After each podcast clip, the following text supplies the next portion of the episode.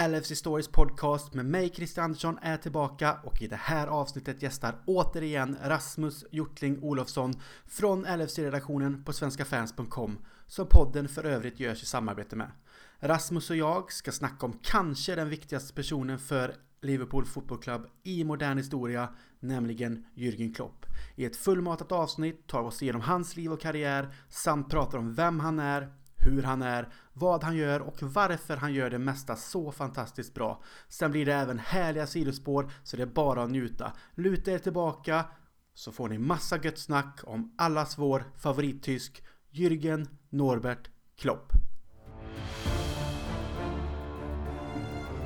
I come here to Liverpool and to Anfield I've drummed it into our players time and again that they are privileged to play for you.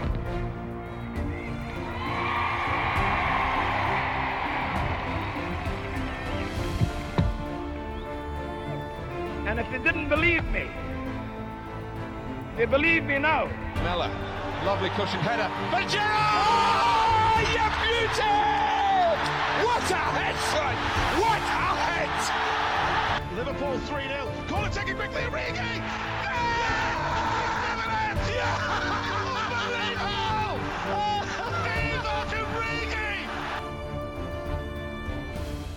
Hej och välkommen tillbaka Rasmus, hur är läget?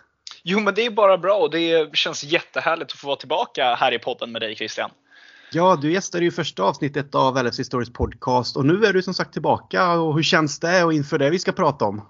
Jo, men det vi kommer ju nämna ämnet här strax och det är, det är en person som ligger mig väldigt nära om hjärtat så det är jättekul och det var jättekul första gången och jag är säker på att det kommer vara exakt samma känslor den här gången också. Ja, och som introt har avslöjat så är det ju våran kära manager Jürgen Norbert Klopp som är eh, ämnet i det här avsnittet. Så det kommer bli fantastiskt att prata om det. Men jag vill ändå passa på att nämna att Eh, sedan du var med och, eh, och gästade i första avsnittet så har det även släppts en poddserie i tre delar om spelarna som vann Champions League 04-05. Där Pontus Weinemo gästar det första och tredje avsnittet och Tobias Hysén det andra. Så vi har då pratat om målvakter, försvarare, mittfältare och anfallare i de tre olika avsnitten. Och utöver dem så har det även släppts ett oj ursäkta, ett avsnitt med en intervju eh, med Gareth Roberts från Liverpool och The Anfield Rap som är intressant att lyssna på också. Han berättar lite om deras resa eh, med sin podcast som nu egentligen är liksom ett typ av mediahus och som sagt också hans liv som Liverpool-supporter och att vara från Liverpool. Men eh, jag tycker att vi hoppar igång egentligen och pratar om det vi ska göra idag och det är som sagt Jürgen Klopp. Och vad är dina tankar kring honom direkt om man bara går rakt in på och nämner Jürgen Klopp? Vad säger dina känslor då? Ja, alltså det är ju en fantastisk man eh, och man älskar ju allt han har gjort för Liverpool. Eh, och det är, alltså, det är, jag tycker att han är svår att sätta ord på. Men han gjorde det väl egentligen eh, otroligt bra själv när han blev presenterad som Liverpool manager. När han beskrev sig själv som the normal one. Och det är väl lite så jag tolkar och ser det. Att det är så här, ja, han är självklart en av världens bästa fotbollstränare, men det är också vem som helst. Det känns som ja, men en man skulle kunna stöta på på baren och sitta och ta en bärs med och ha en jävligt skön kväll. vare sig han var tränare eller inte. Och jag tror just att den här jordnära personligheten och det är det som, som får honom att fånga många människor och passar väldigt bra med Liverpool enligt mig. Ja, jag håller med dig. Han känns ju väldigt mänsklig om man ska använda det ordet. Liksom. Att, eh, visst, han, han har ju sina sidor likt alla andra managers med starka karaktärer men han känns väldigt jordnära, varm och mänsklig när det väl gäller och jag tycker ofta att han säger mycket bra saker. Sen att motståndarfansen kan tycka annat, eh, det är en sak. Men jag tror att de, majoriteten av dem skulle älska att ha Jürgen Klopp som sin manager när man jämför faktiskt om man ska vara helt ärlig. Och innan vi pratar fritt om honom och ska gå igenom hans egentligen då karriär och liv lite och våra känslor kring honom så tänker jag att jag, jag börjar med en faktaruta. Känns det okej? Okay? Det låter super. Då kör vi. Jürgen eh, Norbert Klopp föddes den 16 juni 1967 i Stuttgart i dåvarande Västtyskland. Han växte upp på landet i den så kallade Black Forest, eller Schwarzwald om man så vill, som ligger i regionen Baden-Württemberg nära gränsen till Frankrike och Schweiz. Klopp spelade i flera icke-professionella fotbollsklubbar som ung innan han sommaren 1990 skrev på för Mainz 05 där han skulle stanna spelarkarriären ut fram till 2001. Han blev direkt efteråt manager för klubben som då låg i Zweite Bundesliga och lyckades hålla klubben kvar i andra ligan. Efter några säsonger där Mainz etablerat sig i toppen tog de sig upp till Bundesliga säsongen 03-04 för första gången i klubbens historia. Klopp tog Mainz till två elfte placeringar i rad innan de åkte ur 06-07 och när de inte tog sig tillbaka till Bundesliga valde Klopp att säga upp sig.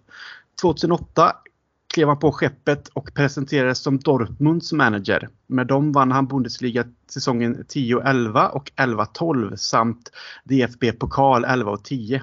Eh, och kom tvåa i Champions League säsongen 12-13. Han lämnade Dortmund efter säsongen 14-15 efter inte så jättebra form och det började dala lite. Eh, den 8 oktober 2015 eh, presenterade Liverpool Football Club Jürgen Klopp som ny manager och från den stunden har han egentligen utvecklat laget, klubben, fått fansen att dra åt samma håll, tagit steg för steg mot världstoppen och gjort Liverpool till en av världens absolut bästa fotbollslag och största klubbar. Även om vi var stora innan så har vi någonstans etablerat oss där igen. På vägen har han vunnit Champions League säsongen 18-19, Uefa Super Cup 19, Fifa Club World Cup 19 och Premier League 19-20 samt nyligen Carabao Cup 21-22. Så han har tagit några titlar under sin färd. Hans kontrakt går ut sommaren 2024 och det spekuleras ju mycket kring just hans framtid och vi vet ännu inte hur den ser ut så vi får väl diskutera det här också. Och det är väl egentligen den faktarutan jag har och där vi befinner oss här och nu egentligen. Så hur ser du på hans tid och liv innan Liverpool om vi går tillbaka till när Klopp någonstans började sin fotbollskarriär om man nu tar det från, ja, jag vet inte vad du har, men just från Mainz-tiden kanske. Hur, hur ser du på honom eh, innan han kom till Liverpool? Nej, men jag har ju suttit och läst på lite om, men som du säger, det är ju Stuttgart och Black Forest. Där. Vad jag har förstått så är det en liten by som heter Glatten som han är uppväxt i. Som på hans tid hade runt 1200 invånare, nu runt 2-4. Så det har ändå varit en stor ökning där. Och han själv har ju beskrivit det att han hade en fantastisk uppväxt och ett lite sämre tonårsliv. Och det tror jag är någonting folk som kommer från mindre städer kan känna igen sig att det blir väldigt så här, men, krampaktigt när man växer upp och man känner alla och det är väldigt litet och så. I know the ehm, feeling. Nej men så Klopp har ju själv varit tydlig med att han, han flyttade ju hemifrån redan när han var 19 år. Eh, men han har ju ett minne eller en grej som växer kvar. Det finns säkert självklart flera från sin hemby. Men han har ju sin favoriträtt därifrån. Och jag kommer redan nu be om ursäkt för mitt tyska uttal som kommer bli fel fler gånger i den här podden. Men Klopp har med sig något som heter Käses Petzle, eller Käse Spätzle, som är en tysk pastarätt. Och jag skulle beskriva det som typ en tysk mac and cheese med stekt lök. Det är säkert en helt felaktig tolkning av vad maträtten är, men det är vad jag har kunnat få fram. Käse är väl ost, vad jag som ändå det, läser det, det tyska. Så att... Den här Petzle, eller Spätzle, tror jag är någon typ av tjockare pasta, men jag tycker att det ser ut som makaroner. Okej, okay. yes. Um, och i alla fall det han har tagit med sig med det här var när han hade flyttat hemifrån så var det ju ofta så att men hans mamma ringde och var så här, men vart är du? För att jag gissar att han inte flyttade långt därifrån utan det kanske var i samma by eller till Stuttgart. Eh, och då var han så här, men jag är 20-25 minuter hemifrån. Ja ah, men då sätter jag på pastan nu så kan du komma över på middag. Och det var alltid det som det bjöds på när Klopp kom hem. Och han står fast vid än idag från en intervju häromåret att det är hans favoriträtt. Och som vi var inne på i början, det är ju det här som får honom att känna så jordnära. Det ska inte vara det här lyxiga utan det är verkligen ja, men en gemene man. Och för att sätta in det lite i en svensk kontext tycker jag att man kan se likheterna med vår förbundskapten Janne Andersson där. Som jag tycker har lite liknande drag i hur saker och ting ska vara som Jörgen Klopp. Mm. det ska inte vara för eh, exklusivt utan lite mer jordnära och lite mer van, vanligt folk kanske man ska kalla det. Ja, men det känns som att Klopp och Jan Andersson för den delen är sådana som värnar om husmanskosten. Om jag bara på känslan av vad man hör från dem. Jag kan, väl, Förlåt jag avbryter där men jag tänker om du, när du pratar Jan Andersson där om man tänker husmanskost. Jag, jag, vet inte om man kan direkt så här i långa loppet ändå leva på typ någon typ av mac and cheese då som det här är, det här är ost och pasta. Det låter inte jättebra för eh, dieten med åldern. Eh, Klopp ser ändå relativt vältränad ut även om man har sett lite semesterbilder där han har lagt på sig kanske lite för man njuter av både mat och dryck. Men han ser ju ändå liksom fitt ut på det sättet. Men äter man den där typen av rätt hela tiden då, då måste man ut och göra sina löprundor tror jag. Ja men exakt, han fick väl inte vända hem till mamma och pappa allt för många gånger sedan han flyttade hemifrån. Det var väl deras sätt för att få honom att testa och leva livet på egen hand. Men sen var det ju som du var inne på att fotbollskarriären började ju där någonstans. Eh, och den började egentligen ordentligt 1986 vad jag har fått fram. För då var han Fint prov... år. Är det då du är född Christian?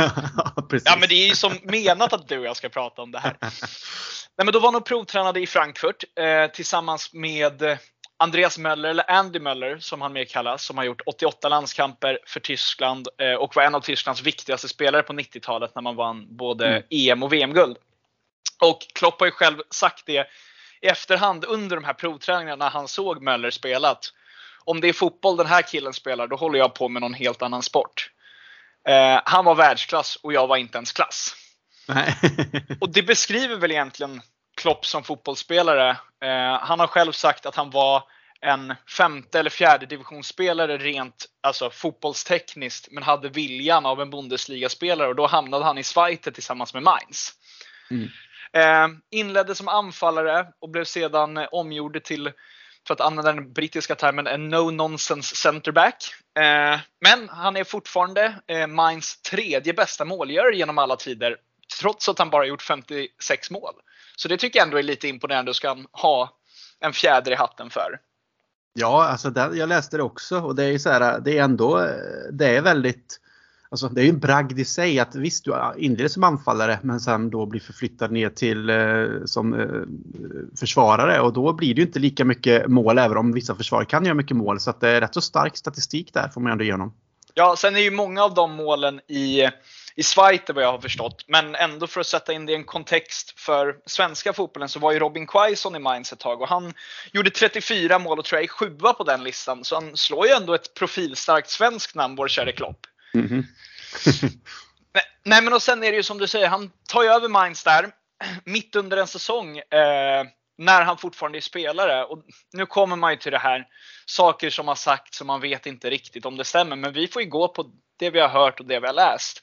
Och enligt mina uppgifter så har ju han gått då fram till Christian Heidel som är någon form av sportchef för Mainz och varit rätt tydlig med typ att de tidigare managervalen inte tillräckligt bra. Eh, och egentligen bara fått frågan, tror du att du kan göra det bättre själv? Alltså inte på något otrevligt sätt utan som en genuin fråga. Och Klopp har väl varit rätt ärlig, ja det tror jag. Mm. Så han tar ju bara över så här, mitt inför en eh, mitt inför en toppmatch. Eller mot ett topplag då de möter MSV Duisburg som jag tror vid tillfället ledde, eller i alla fall var med på jakten om en Bundesliga-plats. Eh, och Mainz och Klopp tar ju hem en 1-0-seger.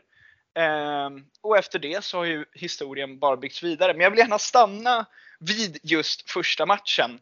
För att det är rätt, han gör en rätt speciell grej vad jag har förstått som återigen kan vara en skröna men jag vågar lita på det. Och det är nämligen att han är ju som vi säger en människokännare och ja, men, han vill bli respekterad och han respekterar andra. Så han vill ju tala om för sina före detta medspelare och nu sin trupp vilka som skulle spela matchen och inte på något formellt lagmöte utan han ville ju göra det face to face.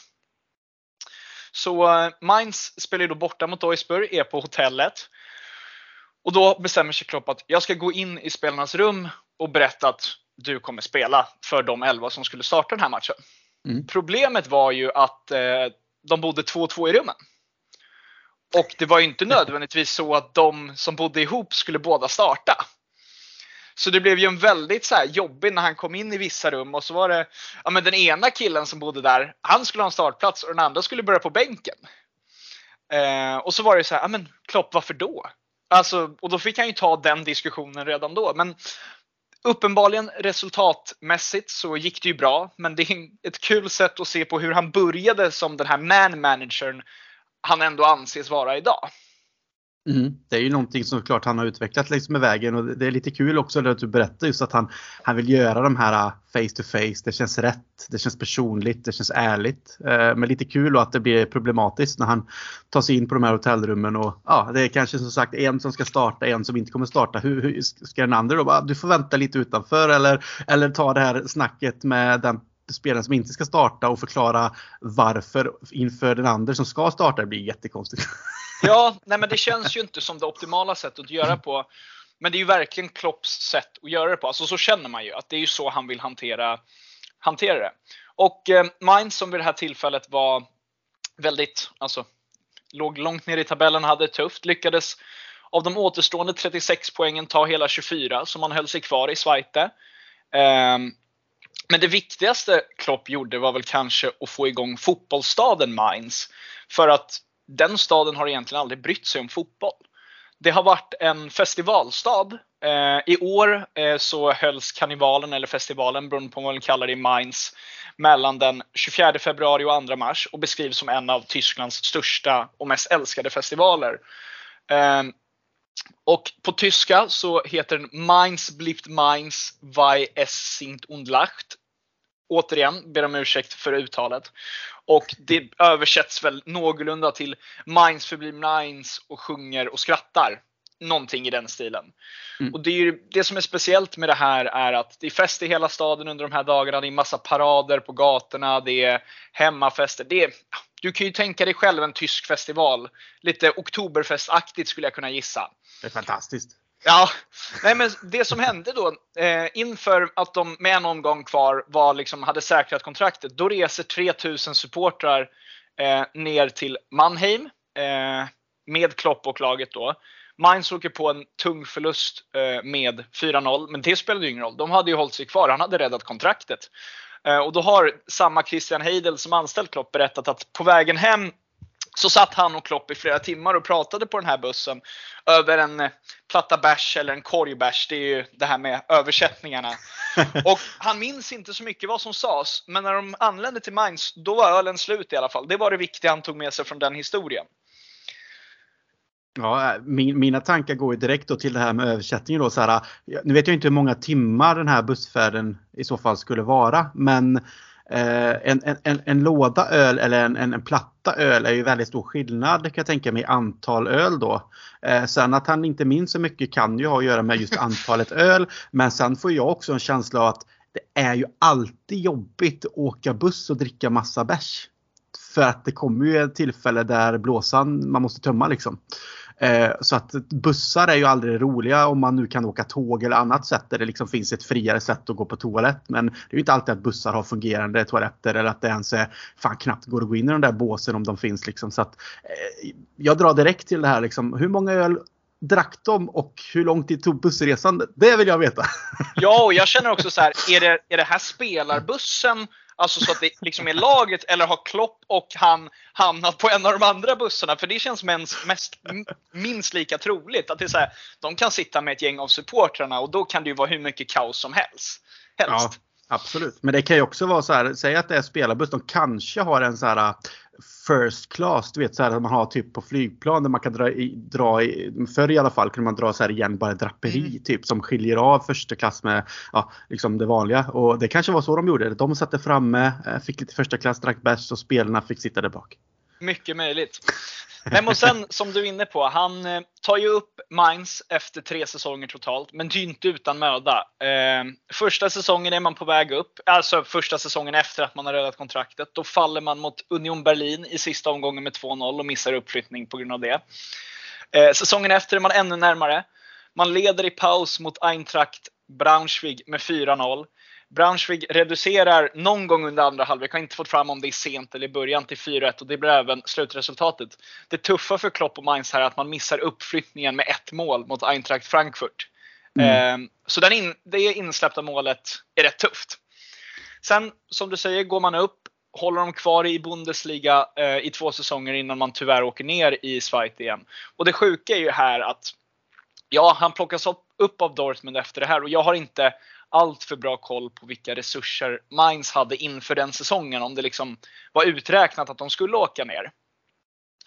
Men det som blir intressant är, trots nedflyttningen, så när han lämnade för Dortmund så samlas 10, över 10 000 människor i den här karnevalstaden som aldrig tidigare har brytt sig om fotboll och har ett tårdrypande avsked för vad jag tror och tror kommer för alltid vara den största tränaren i klubbens historia. Och man ser, när man har sett bilder på Klopp så är det ju verkligen, det är känslomässigt. Han lämnar nu där allting började. Och det är väl där någonstans han sen har tagit vid när han kom till Dortmund. Mm, nej, jag, jag tänker om vi stannar där lite så jag håller med liksom att det, det är ju den klubben som gav honom en, en, en proffskarriär som spelare själv och som sen gav han förtroendet att bli manager och han lyckas ju ändå med bedriften att ta upp dem till Bundesliga för första gången i, i deras historia. Trots att de ramlade ner sen men det, är ju, det skapar ju någonting och det finns ju någonting där i just den här fina eh, liksom, sammanhållningen då, eh, staden med fotbollslaget som inte då är en fotbollsstad egentligen men att han lyckas knyta de banden och när han väl lämnar då har han knutit de banden så att de hålls kvar och att Mainz ändå får någon slags här, han lämnar ju kvar ett legacy och någon, en plattform att fortsätta på trots att de åkt ner då. Sen tänkte jag på det också som du nämnde kring det här med att de, de var liksom på väg upp i Bundesliga vad sa du, två gånger var de föll mm. på målsnöret då. En gång var det bara ett mål. Och jag, jag, jag kände själv när du berättade det här att fan vad jobbigt att börja om när du faller på ett mål. En hel säsongs arbete och du faller på det målet och nu ska du ladda om fysik, fysiskt och men, mentalt för nästa säsong och försöka göra om det här och den här gången gå upp. Och det, det slår mig direkt att det här lite Klopps mentalitet och mentality monsters och det här att go again och liksom köra på. Det, det har ju någonstans formats redan där att mm. fan, motgångarna kom men man ger inte upp utan man, man fortsätter jobba på och till slut så når man målet. Liksom. Det, det, det får man ändå ta med sig sett till vilken Klopp vi ser idag, tänker jag. Ja, men det var ju exakt det jag tänkte på när jag satt och läste om det här själv. Att så här, vi som håller på Liverpool vet ju självklart alltså, de tuffa motgångarna han har haft här och de kommer vi komma in på lite senare. Mm. Men man märker ju på honom, ja, men dels som spelare att redan vid 19 års ålder när han är och provtränar med Frankfurt att han inser här, nej det här kommer inte gå. Alltså jag är för dålig. Men han skapar sig en karriär inom fotbollen ändå. Får chansen som tränare, gör det jättebra och håller klubben kvar. Sen alltså att inte gå upp så nära två år i rad. Jag kan inte tänka mig vad det kan göra med en människa. Alltså mentalt som du säger. Och det visar ju bara vad han har byggt på. Vi kommer ju komma in på fler exempel eh, när det här blir intressant. Men sen som du säger så flyttar han ju till Dortmund. Och det här är ju inte det Borussia Dortmund vi ser idag som han kommer till. Det är ju ett Dortmund som inför säsongen nästan hade åkt ut. Eller efter förra säsongen. Man klarar sig med 9 poäng över strecket. Eh, och jag vet att för många som har lyssnat på When We Were Kings om just Dortmund så har man ju fått en längre utdragning om allt som skedde runt klubben och jämförelserna med Hamburg som till slut trillade ur Bundesliga och nu harvar runt i Schweiz. Och Dortmund var ju på väg ner i samma träsk. Att sponsorer flydde, tuffa eh, vad heter det, resultat på plan. Men då fick man in Jörgen Klopp. Och det första, vad jag har förstått, som Klopp gjorde när han kom in, när Dortmund är i den här tuffa ekonomiska situationen, det är att han själv sätter sig och ringer runt till sponsorer för att försöka lösa det här för att man ska kunna ja, men liksom, klara nästa säsong. Mm. Och det någonstans beskriver ju Klopp ännu mer som människa. Att så här, ja, hade en tränare i Sverige gjort det hade det kanske inte varit så uppmärksammat. Men det här är ändå en av Tysklands största klubbar genom tiderna som i slutet av 90-talet vann Champions League, vann Bundesliga i början av 2000-talet och nu sitter deras huvudtränare och ringer sponsorer för klubbens överlevnad. Det är en rätt, eh, eh, hur ska man säga, det är en icke-verklig händelse när man pratar om det så här. Det låter inte som någonting som finns i toppfotbollen. Nej, alltså, nej, det vi har lärt oss av dagens fotboll är ju att eh, allt känns lite som att allt, allting är nästintill bakom stängda dörrar. Allting är flådigt. Även om ett jobb ska göras på fotbollsplanen så är det liksom sådana saker man har andra människor som jobbar åt den eller klubben har andra människor som sköter sånt. Det har inte någonting med eh, huvudtränaren att göra men i det här fallet är det ju Eh, både anmärkningsvärt och hedrande att Klopp ser hur det ser ut situationen i Dortmund vid det här tillfället. Han tar på sig arbetshandskarna, sätter sig själv, ringer runt och presenterar sig och visar engagemang att det här är jag, det här är vad jag vill och jag behöver er hjälp för att klubben ska kunna finnas kvar här och nu men också ta steg framåt. Och det, som du säger, det säger ju en del om hans personlighet och hans, eh, hur, hur, han fungerar som människa och hur han ser på hur saker och ting ska göras och bör göras. Ja, och sen börjar det ta fart i Dortmund. Jag tror man kommer sexa första säsongen under Klopp. Och sen som du säger så, han vinner ju två ligatitlar med Dortmund. Eh, första gången sedan 2002 för klubben. Vinner en cuptitel, tar dem till en Champions League-final. Och jag tycker att det som kanske är mest värt att notera är ju nödvändigtvis inte titlarna utan att när de vinner där två år i rad. Det är första gången sedan 94-95 Bayern München har gått två år utan en Bundesliga-titel vid den mm. tiden. Mm. Eh, då var det kul också att just 94-95 var det Dortmund som vann de två åren också. Och det är lite så Dortmunds succé som klubb har kommit. Den har kommit under korta perioder mellan Bayern München dominerande perioder. Ja, eh.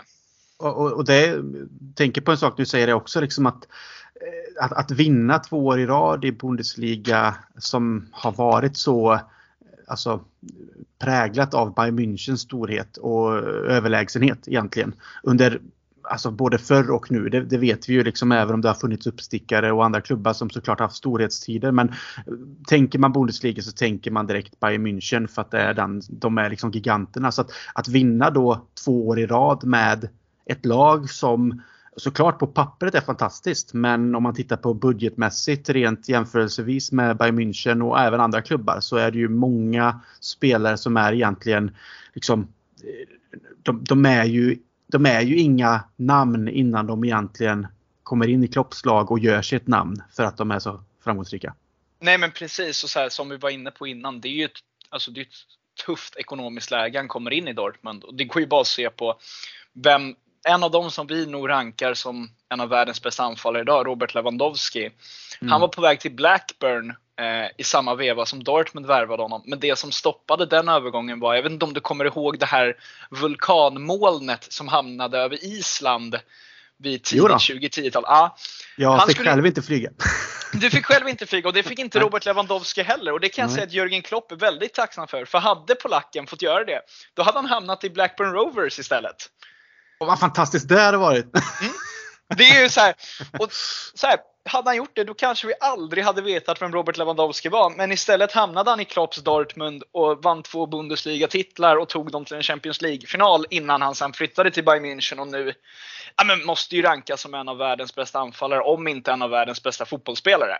Ja, absolut. Nej, det är ju intressant hur det kan ta sig. Liksom ödets ironi där på ett sätt. Han, han hade kunnat hamna i Blackburn som liksom, jämfört med Dortmund, alltså, jag kommer inte ihåg hur Blackburn såg ut då. Eh, jag vet ju bara att jag var och såg dem med Liverpool såklart. Men det var ju inget topplag, superlag så. Men Dortmund som du säger heller kanske inte på det sättet. Men att hamna i en klubb eh, med den kulturen eh, och sen med Jürgen Klopp då som manager och att ta hand om det och utveckla det. Det, det gör ju i det här fallet att det hade ju kunnat vara Eh, ja, det blev ju egentligen någonstans ett vinna istället för att eventuellt kanske försvinna. Även om man skulle kunna säga att eh, en karriär i Blackburn och han hade gjort många mål där hade kunnat ta han vidare inom den engelska fotbollen. Absolut, fan, den talangen hade han ju. Men det går ju aldrig att säga säkert utan här fick han ju en väg som sen har blivit utstakad till att bli en av världens bästa fotbollsspelare, precis som du säger.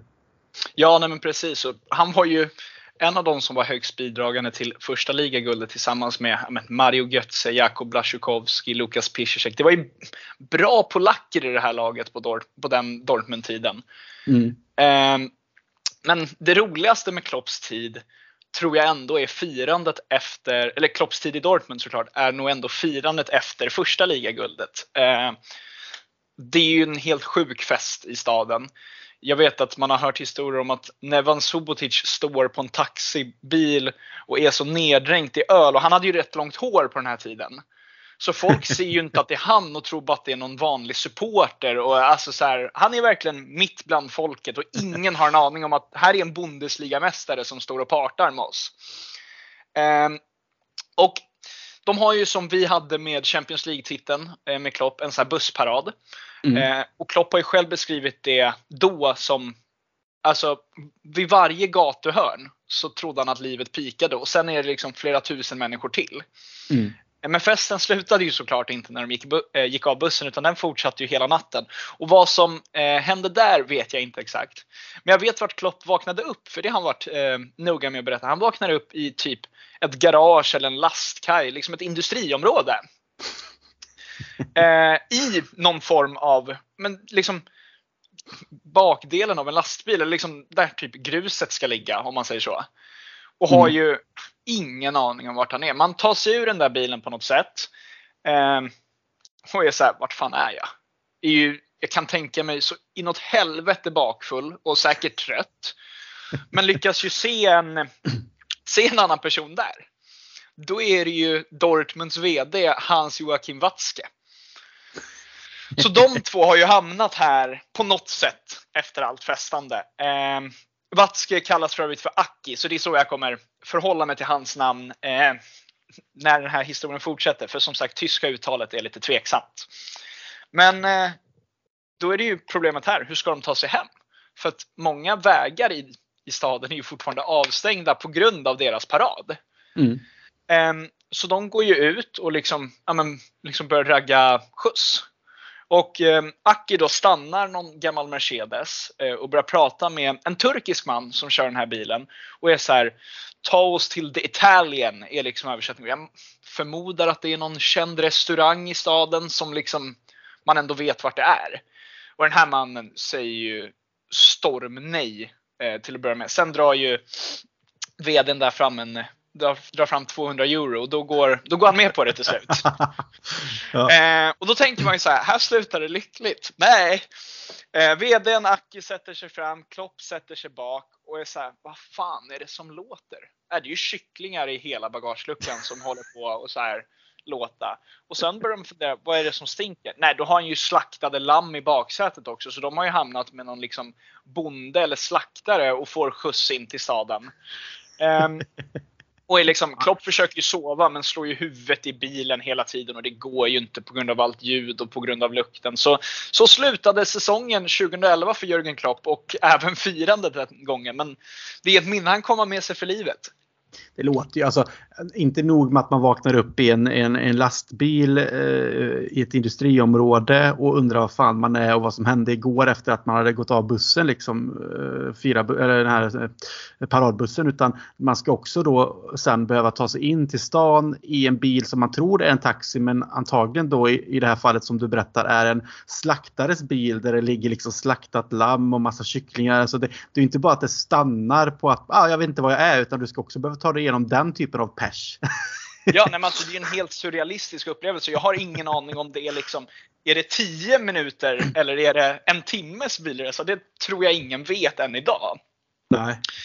Eh, men hans framgångar stannade inte där med Dortmund utan det blev ju som sagt en till Bundesliga-titel och en kupptitel. Men jag tror ändå att det största för honom, utöver första ligaguldet, är nog Champions League-finalen man tar sig till. För den resan är ju så sjuk på så många sätt. Eh, det börjar ju med att man lottas i en rätt tuff grupp eh, med Real Madrid, Ajax och Manchester City. Mm. Det är ju, alltså, säger du den gruppen idag, då vet man ju att Dortmund åker ut. Och då kanske Dortmund idag på pappret har ett bättre lag. Alltså namnkunniga spelare och priset på spelarna. Eh, men Dortmund går ju och vinner den här gruppen. Eh, före Real Madrid. Ajax tar oväntat nog Europa League-platsen och Manchester City eh, vinner ingen match i gruppspelet i Champions League vid det här det, tillfället. Det vill vi ändå poängtera det gillar vi. Det gillar vi. Det är viktigt att poängtera. Nej, men så Dortmund tar sig vidare och får bekväm lottning i åttondelsfinalen och slår ut Shakhtar Donetsk över två matcher med 5-2. Inga problem som helst där. Sen kommer nog, jag tror, den matchen som folk på riktigt fick upp ögonen internationellt för Jörgen Klopp och Dortmund utöver liksom segern i Tyskland och det är ju det här dubbelmötet mot Malaga. 0-0 eh, i Spanien får man ju ändå anse är ett helt okej okay resultat. Eller det är ett mycket bra resultat skulle jag säga. Eh, förutom att här har du ju fortfarande bortamålsregeln som inte är kvar idag. Mm. Så den är ju tuff ändå att vi vet att ah, okay, vi gjorde inget mål, vi förlorade inte, men gör Malaga mål så blir det tungt. Mm. Eh, och Malaga tar ju ledningen i den 25 minuten. Eh, Robert Lewandowski kvitterar sen strax före paus. Eh, sen kommer ju det här kaoset som bryter ut på stopptid och kommer gå in på det att hade en viss videoteknik som finns idag funnits då hade den här matchen slutat på ett helt annat sätt. Men det många ofta glömmer bort är att Malagas 2-1 mål som Eliseu gör, det är också offside. Eh, har jag upptäckt nu när jag har researchat det här. Det är som, du kommer säkert ihåg eh, när Real Madrid mötte Bayern München här för ett par år sedan och Ronaldo var offside när han gjorde två mål på så här passningar snett över. Mm, ja, det tror jag. att jag Mm, exakt samma historia och Eliseu är, alltså det är meter offside. Men domaren missar den så i den 82 minuten tar Malaga ledningen med 2-1 och då är det ju uppförsbacke för Dortmund. Ja, då måste de väl göra två va? Precis. Eh, Royce reducerar efter en tilltrasslad situation. Den tycker jag inte att det finns så mycket att diskutera om rent eh, domarmässigt. Sen två minuter senare gör ju den brasilianska mittbacken Felipe Santana 3-2, så Dortmund är vidare. Men det här målet är ju så mycket offside det bara går. Han står ju på mållinjen nedanför Willy Caballero som då står i Malaga. Och ja, det ligger en eh, Malaga-försvarare i målet så han räknas ju som att han är på mållinjen. Men han är ju fortfarande, här är ju det här som många har dålig koll på, att flytta målvakten upp flyttas ju offside-linjen. Mm. Eh, Så det här är ju ett så regelvidrigt mål, vad man nu kan säga i efterhand. Men det står sig. Dortmund tar sig vidare. Och man får möta Real Madrid i semifinal. Man hade slagit Real Madrid i gruppen. Eller slag, ah, kommit före dem i gruppen. Men det här är ju liksom, det är ju Galactico Real Madrid. Det är ju när Kaká, Benzema, Ronaldo, alla de är ju relativt nya här. Ja, just det. Eh, och det finns ju lite kul jämförelse här. Kaká var värd mer för sin transfersumma än vad Klopps 11 var som han ställde upp på plan mot, med, mot Real Madrid. Mm, det säger också en del. Ja. Men Dortmund kör ju fullkomligt över Real och vinner med 4-1 i Tyskland. Eh, och då har vi ju en annan Liverpool-profil i form av Mario Balotelli som är profil på helt andra premisser än vad Jörgen Klopp är. Som har ett väldigt känt citat efter, efter den här första matchen och inför returmötet där han hur ska man måla upp det på ett snyggt sätt? Men där han hade delat med sig av sin dåvarande flickvän om Real Madrid hade kunnat vända på det här dubbelmötet. ja. Eh, också återigen den här, har Balotelli verkligen sagt det här? Eftersom att det är Balotelli så vågar jag tro på det. ja, precis. Det är Eh, liksom oftast mer sanning än inte känns som. Precis. Och Real vinner ju med 2-0. Men det räcker ju inte. Så Dortmund tar sig till Champions League-final. Eh, och jag vet att det finns liknande jämförelser med Bayern Münchens lag att typ ja, men att Ribéry skulle ha högre lön än hela Dortmunds lag eller något liknande. Den här ekonomiska skillnaden. Och tyvärr eh, faller man ju tungt i den här eh, Champions League-finalen mot Dortmund. Dortmund avgör i 89 genom Arjen Robben. Och Mm. där tar det ju lite slut på hans framgångshistoria i Dortmund som du var inne på. Det är en tuff säsong säsongen efter.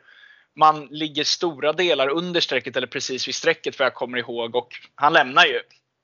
Mm. Eh, och i efterhand så har ju den här VDn Hans Joachim Watzke fått eh, beskriva Klopp med ett ord. Eller han har ju säkert beskrivit honom med flera. Men i samband med avtackningen och han sa väl det som vi också varit inne på som jag tror att många många skulle säga angående Jörgen Klopp och han valde det tyska ordet Mönchenfänger eh, som någorlunda översatts till människofångare.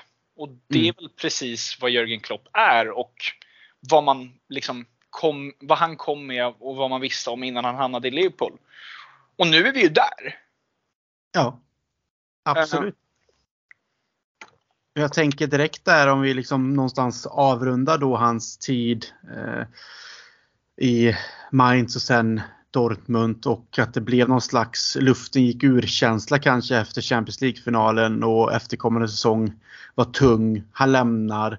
Och sen så det enda jag minns liksom är att man visste att Jürgen Klopp eh, lämnade Dortmund och sen att det skulle vara en paus. Och man, tänk, man hade ju liksom lätt, lätt, man hade ju lätt känna Klopp som en Mm. manager som var eh, relativt ung. Han hade en ny, nytt sätt att spela fotboll. Han tog Europa med storm med sitt Dortmund på det sättet de spelade. De vann Bundesliga, de gick långt i Champions League, de, de kom till final i Champions League, de slog ut stora jättar som sagt som Real Madrid och allt det. Så man hade ju någonstans där och då, där, där visste man ju att oh, Jürgen Klopp, han känns ju som en så här, riktig människa. Så lämnar han, så då började, det fanns ju redan, i alla fall hos mig, jag tror att många faktiskt kände för att man hade diskuterat det där med, med, med Liverpool-vänner tidigare. Att, Mm. Jürgen Klopp hade man velat ha i Liverpool. Han är ju rolig, han spelar grym fotboll, han har någonting extra och allt det här. Och sen nu när han helt plötsligt då stod utan klubb och Liverpool hade eh, kräftgång med eh,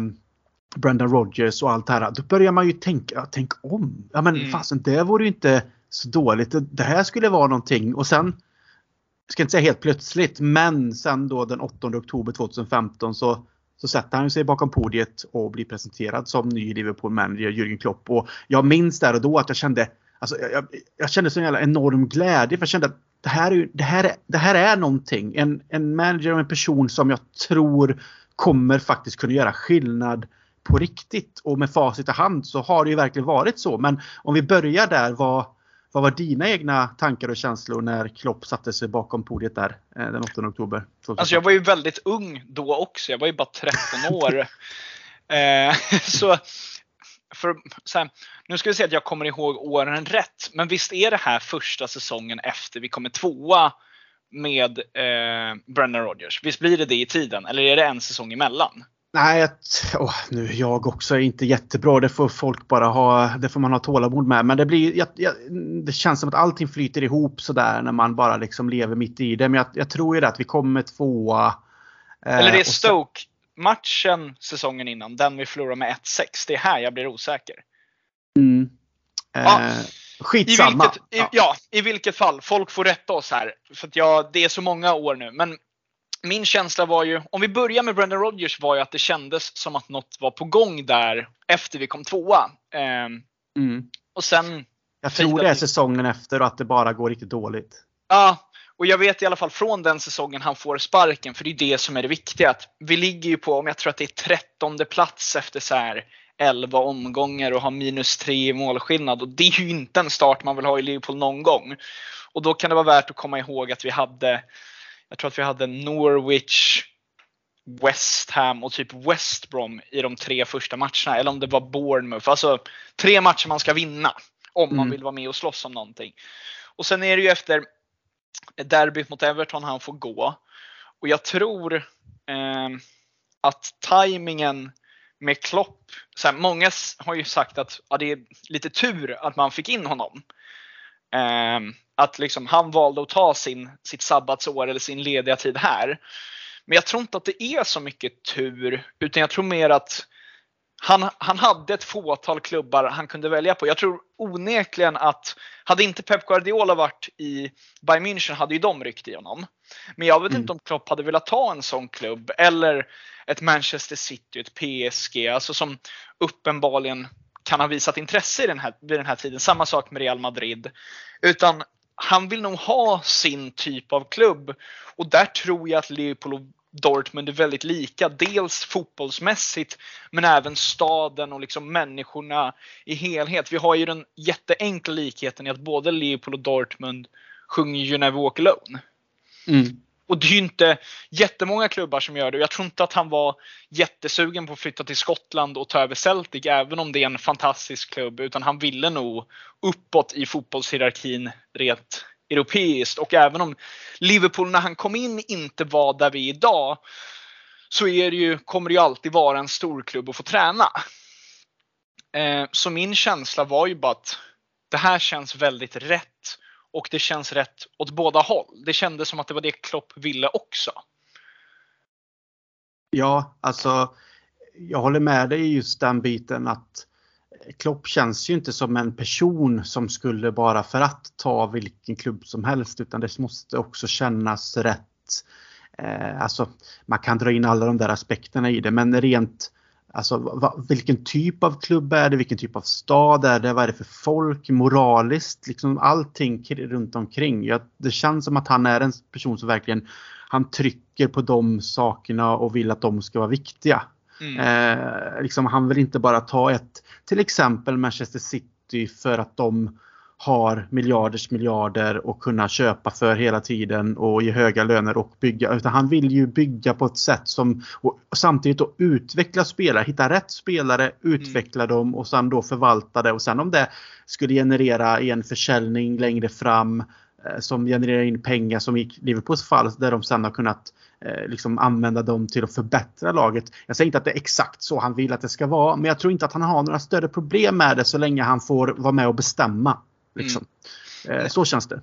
Ja, men jag tror nu sportsligt går det väl inte att hitta jättemånga likheter mellan Liverpool och Mainz egentligen. Men, och sportsligt är vi ju även eh, historiskt sett bättre än Dortmund. Men om man kollar tiden där Klopp kommer in i samtliga klubbar så är det ju väldigt likt. Även om det är på olika nivåer. För ja, men Mainz är på väg ur Zweite. Han, han kommer dit, vänder på skeppet, tar dem upp. Ja, de åker ur igen. Men han får staden som aldrig har tyckt om fotboll och älskar fotbollen. Mm. Dortmund är ett kritiskt ekonomiskt läge och han tar en gammal storklubb och gör dem till alltså, titelutmanare och vinnare igen. Sen, ja, lite tuffare resultat och han får lämna. Och han kommer ju till ett Liverpool som är i princip samma sits. Vi har varit nära. Eh, sen har det gått lite sämre. Vi kommer precis från en tuff tid ekonomiskt med hot om konkurs och så ett par år tidigare. Eh, och jag tror att han, jag, jag har för mig att det är på första presskonferensen han säger det här kända citatet att Liverpool-fansen måste gå från att vara en doubter till att bli en believer. Mm. Och någonstans där är det jag lite har fångat upp mitt supporterskap i Liverpool efter det och mina känslor för Klopp. För att det känns inte som att någonting är omöjligt längre i Liverpool. Och det har han ju visat gång på gång på gång. Och jag vet inte i vilken kronologisk ordning man ska ta det här. Men det finns ju hur många matcher som helst när man sitter i den men, 87 minuten som vi bara ska förlora och så helt plötsligt har Leopold vänt på matchen och så står man där som vinnare. Och det är ju det här att man ger aldrig upp och man måste våga tro. Mm. Nej absolut och jag, jag känner just i det med läget. Jag tror att Alltså om man tänker att våra, våra ägare som eh, köpte loss klubben och räddade den från konkurs eh, och sen försökte hitta en, bara, alltså, direkt bara försökte hitta en väg i rätt riktning genom att man hade Kenny Daglish eh, kom in liksom Mm. Eh, eh man, man, man, någonstans tog in en Roy Hodgson för att det fanns mycket erfarenhet och att det liksom var engelskt och man trodde att någonstans att det skulle också lägga någon slags eh, eh bas även om inte det fungerade. Allt det här liksom runt omkring som har varit eh, liksom hela tiden kring det så känns det väl bara som att Alltså fr från att man börjar försöka hitta en ny väg från det som var, försöker jag säga. Liksom, att man, mm. Eh, innan med allting som var med Roy Hodgson, det var så jag ville få fram det. Men sen att man har en Kenny Daglish för att det är rätt person. Man hittar en Brenda Rogers som är ung och eh, liksom, eh, har en kreativitet i sitt managerskap. Och det kändes ju också liksom så med, med Brenda Rogers som att det, det var rätt. Och, och det kanske det också var på ett sätt men det var fortfarande relativt tidigt i Liverpools mm. ägares historia så de höll ju mm. också på att lära sig klubben, staden, folket från det att de hade köpt klubben och sen försökt med de här olika delarna och att det hade varit tungt under ja, Benitez fick gå, det var Roy Hodgson, det var liksom det var inget, det var inget bra, allting var liksom relativt trasigt och de visste ju kanske inte jättemycket om engelsk fotboll och kultur på det sättet även om de såklart är insatta. Man köper ju inte bara en klubb sådär. Man har ju gjort sin research. Liksom. Men, mm. men någonstans då när vi kommer tvåa eh, med Brendan Rodgers och vi har en sån fantastisk säsong eh, 13-14. Eh, Ja just det, då blir det ju ändå... In... Mm, då blir det en säsong emellan innan Klopp kommer in. Då har ja, vi rätt ut det. Ja precis, för, precis, för han kommer ju in eh, i oktober 15 ja, så det är 15-16 han kommer in. Mm. Precis, då har vi rätt ut det. Jättebra. Och då är det eh, Stoke-matchen som är säsongen innan den här ett, tunga 1-6 förlusten. Ja precis, mm. så blir det. Ja men då tänker jag så här, någonstans, alltså om man ska se det ur ett Rogers perspektiv så han, han är nästan lite för tidig kanske, förstår du? Alltså han är både kanske för ung och för tidig i den nya ägarhistorien för Liverpool. Det, det håller fortfarande på att etablera sig. Sen har vi en fantastisk säsong då när vi kommer tvåa.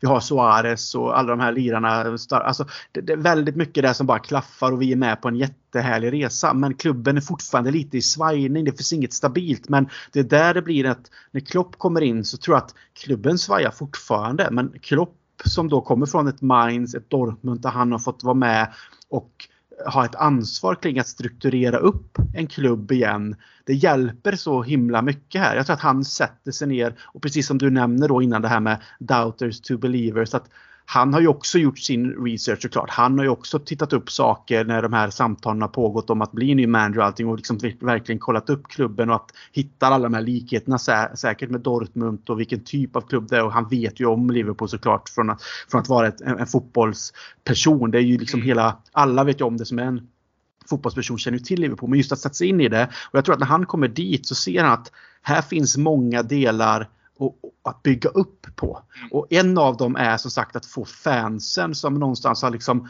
vi har, vi har, vi har haft jättefina toppar men också väldigt mycket dalar under en lång tid. Jag menar man kan gå tillbaka och prata om de här cuptriumferna med Istanbul och 06 med Gerard och sen att vi har de här fantastiska med Rodgers där och vi vann trippen i början av 2000-talet. Så att vi, vi liksom inte stått utan framgång men vi har aldrig fått en stabilitet. Vi har, har varit uppe, smakat på det fina och sen har vi dalat i flera säsonger och sen är vi uppe. Vi har liksom aldrig känt att vi, vi kan bygga vidare och vi har alltid varit en klubb där som till exempel då en, en, en eh, både Torres och Suarez som man tänker vi har, vi har fått sälja de där stjärnorna för att det har kommit andra stora drakar och knackat på dörren när någon har stuckit ut lite. Så här Alonso, Mascherano och så vidare. När vi verkligen har haft de här klassspelarna då, då, har vi inte varit en klubb som har kunnat hålla kvar dem för att vi inte har haft en stabilitet att bygga vidare på. Så hela tiden har vi fått någonstans börja om och jag tror att Jürgen Klopp eh, såg det väldigt tidigt och först och främst då som sagt ville få med sig fansen. Vi måste börja tro på det igen och det måste få ta lite tid. Vi kan inte göra det över en natt.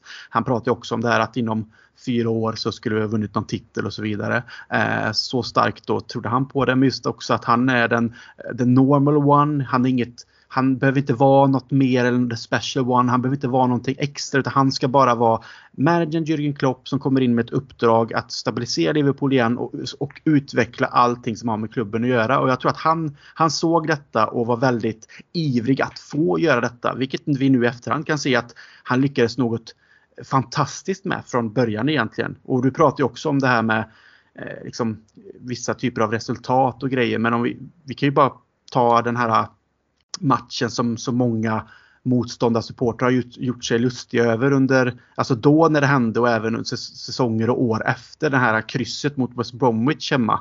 Mm. Eh, när vi liksom vänder och tar ett kryss på hemmaplan och mm. spelarna och Klopp han tar med spelarna ner till The Cop och tackar fansen liksom. Och det kan ju andra skratta hur mycket de vill åt men det är ju ett sätt och en väldigt stark del i det här att bli believers och att vi bryr oss om ert stöd. Vi skiter liksom inte i er och det gör ju också att fansen känner att vi bygger det här tillsammans, laget och fansen och från den stunden så har det egentligen bara gått uppåt liksom. Så att det är sådana här viktiga delar som man, man, man, man, märker det där och då men man måste ha med sig det även idag. Att de stunderna har etablerat någonting som gjort att vi har fått liksom smaka på de finaste frukterna några säsonger efter. Det, liksom, där byggs de banden som krävs för att det ska bli framgång.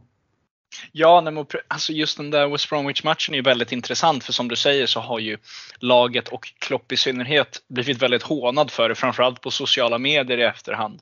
Och dels som du säger så man, man ser ju vart vi är idag men sen vad jag har förstått så är ju det där tydligen mer av en kutym i Tyskland. Att du ska tacka fansen och att det på, alltså i ett sånt, på ett sånt sätt när man kvitterar i, vad är det, är det 92 Origi sätter dit den bollen tror jag, via en styrning.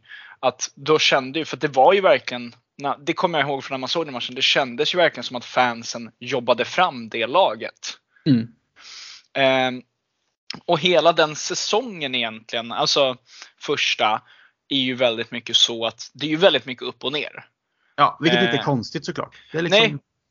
Och han har ju ändå, han tar oss till två finaler den säsongen. Eh, visst, jo det är första, jo det är det. Så att jag kommer ihåg rätt. Det är Europa League-finalen och ligacupfinalen. Mm. Eh, och det är ju bara de historierna vet jag ju själv att jag kommer ihåg mycket väl. Vi kan börja med ligacupen. Då var jag över och såg retursemifinalen mot Stoke. Mm. Eh, vi hade ju vunnit med 1-0 i Stoke. Förlorar, eller ja, kryssar hemma. Jag tror det är Marko Arnautovic som gör mål, så det går ju till straffar. Eh, och en av mina dåvarande favoritspelare vet egentligen inte riktigt varför, var Joe Allen. Eh, men det fanns hade... någonting fint där ändå. Ja, men jag, ty Ja, men den här Welsh Pirlo-liknelsen. Det, det fanns något vackert. Jag ville ju att han skulle lyckas. Han gjorde ju även den säsongen det här 3-3 målet mot Arsenal borta i slutet. Men mm. Då hade vi, jag och pappa åkt över och så hade jag ju köpt min Joe Allen-tröja. Och den var egentligen ingen så här det var ingen tröja. Jag tror inte det var den mest vanligt tryckta tröjan utanför arenan.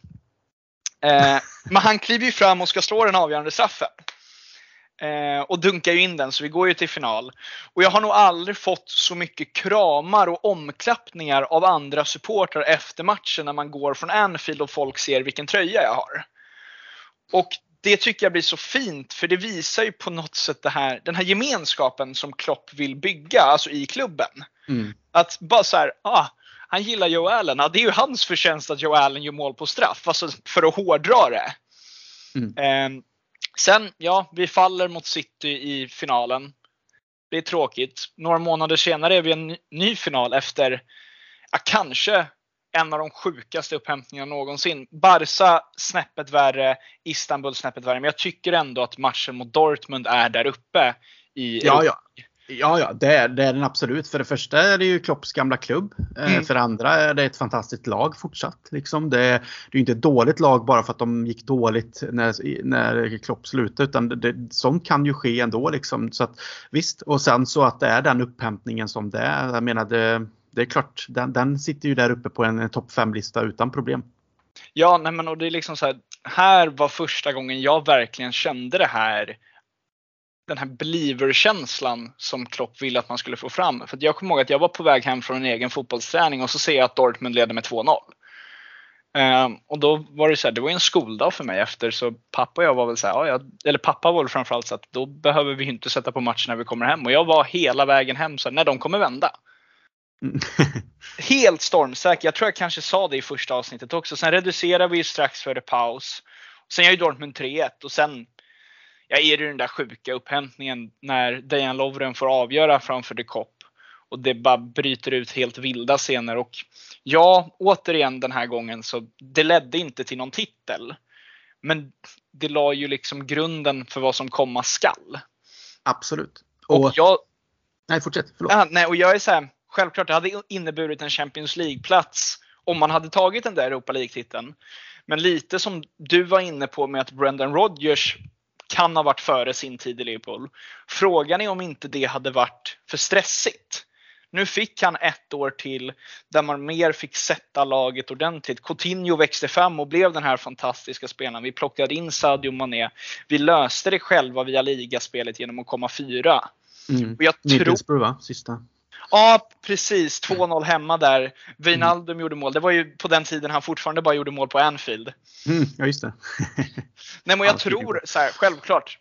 Jag sitter inte och säger att jag inte hade velat, velat vinna Europa League när vi hade chansen. Men jag tror ur det långsiktiga perspektivet kan det ha varit bra för Liverpool att få en till säsong och bara sätta allt på plats. Mm, och jag tror de här hörnstenarna eller byggstenarna som man kallar det här. Så även om som sagt Klopp då i det här fallet som du pratade om där till Tyskland tar man spelarna och, och tackar. Det är ju inte alltid eh, det sker i, i Premier League. Väldigt sällan faktiskt. Eh, de liksom klappar lite och går ut ofta. Men just det där med West Bromwich. Jag tror att det var, det var en viktig del i att just liksom visa att vi respekterar fansen. Det, liksom, det vill Klopp eh, ta, ta med sig och så bygga det där bandet. Och sen tror jag också att när vi pratar till exempel då de här finalerna eller upphämtningen också mot eh, Dortmund. Så liksom, mm. Det som du säger, det, det, är viktiga delar i att bygga den här relationen och eh, visa att det sker någonting i klubben med Klopp. Det, det är liksom utvecklingssteg, kanske inte jätte, jättestora där och då mot vad som komma skulle, men de visar i alla fall att det går åt rätt håll. Vi vann inte titlarna, men vi tar oss ändå första säsongen till finaler som, där Klopp ändå har liksom bara fått ta över en trupp, kommit till en ny klubb, lärt känna all kultur och allting kring det. Och jag tror det som du säger också att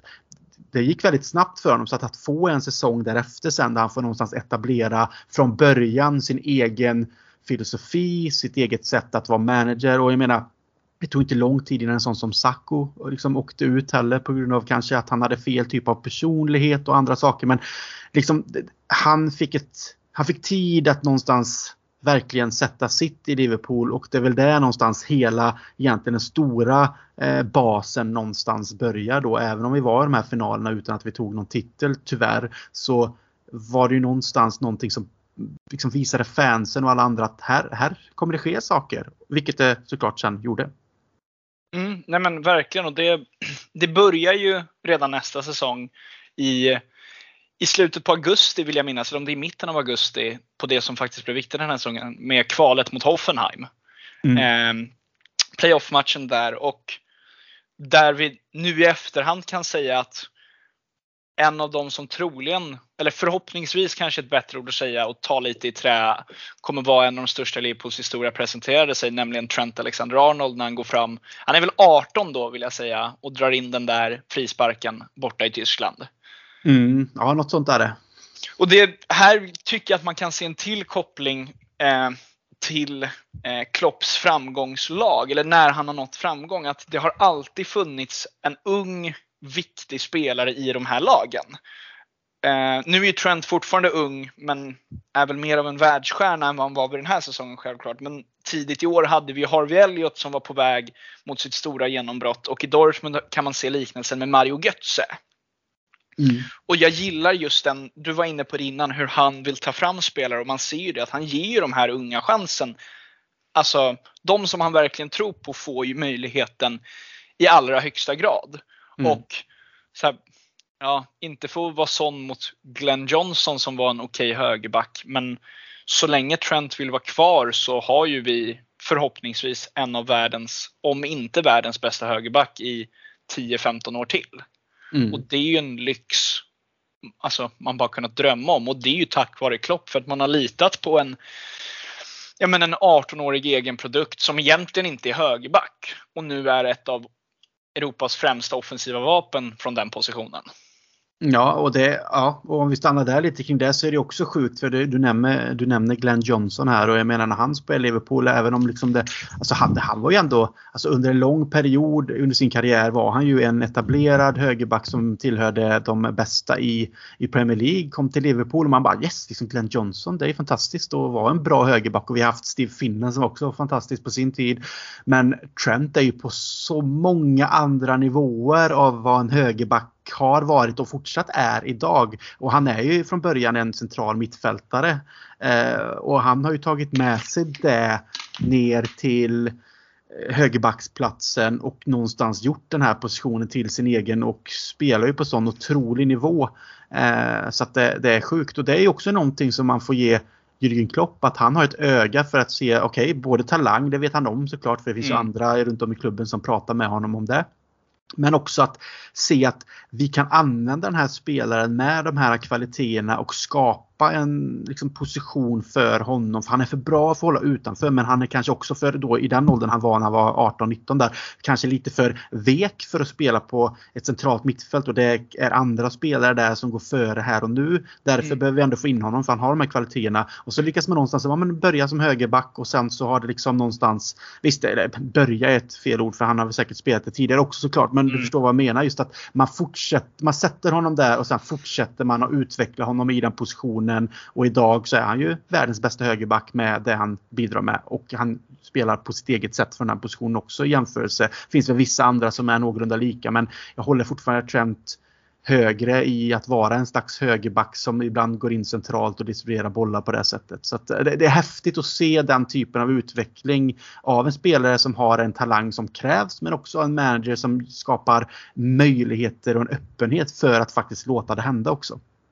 Ja, men jag tycker att här kan man tydligt se flexibiliteten i hur hans sätt att coacha utvecklas. Och det tycker jag är något som pratas lite för sällan om med Jörgen Klopp. För att, men, vi uppskattar honom som människa för att han är Leopold-tränare. Och det gör många runt omkring också. Han får ju väldigt mycket beröm för hans eh, sätt att prata om det som händer utanför fotbollen. Men mm. när du jämför ofta, säg Pep Guardiola och Klopp, då är det ju oftast Guardiola som målas upp som det här fotbollsgeniet. Eh, och Klopp är lite mer den här hårdrockskillen som vi går ut och kör och så får det bli vad det blir. Eller den känslan hade jag i alla fall i början av hans tid i Liverpool. Ja. Och självklart, kollade man på resultaten från de första säsongerna så var det så. Vi, vi, liksom, vi kunde torska mot Hall med 2-0 och sen veckan efter åka och köra över Tottenham med 4-1. Um, så det finns ju fog i det. Och mycket kommer ju i men, hans gegenpress och den, det sättet att spela fotboll som han lite har moderniserat eller förbättrat. Det har säkert använts tidigare men det är ju Klopp som på något sätt har tagit fram det i Europa i en högre grad skulle jag säga. Mm. Och syftet där, eller så som Klopp har förklarat det innan, är att det finns ingen bättre playmaker än gegenpressen. Utan när du vinner bollen så högt, då är det bara en passning, sen är det ett mål. Och det har vi ju sett flera gånger i Liverpool. Alltså den här mm. återerövringspressen. Och ja, vi pressar fortfarande högt. Men nu har vi också en playmaker i laget. Även om det må vara vår högerback. Och det har Klopp gett utrymme för i sin fotbollsfilosofi och sin, alltså sitt sätt att spela fotboll. Och det tror jag inte många såg när han kom till Liverpool. Att, det såg nog ingen att om fyra år så är den som skapar mest i Liverpool deras högerback. Nej, absolut. Och sen jag tycker det är väldigt värt att nämna det du säger också om, om, om Pep Guardiola som såklart är en fantastisk manager. Liksom, det går inte att säga någonting om och se till hans meritlista och så, och så vidare. Och han var en fantastisk fotbollsspelare också. Men om man någonstans ändå ska, när man jämför de här två tränarna om man ändå ska ge någon slags kritik, vilket jag har gjort tidigare på sociala medier och kommer säkert fortsätta göra.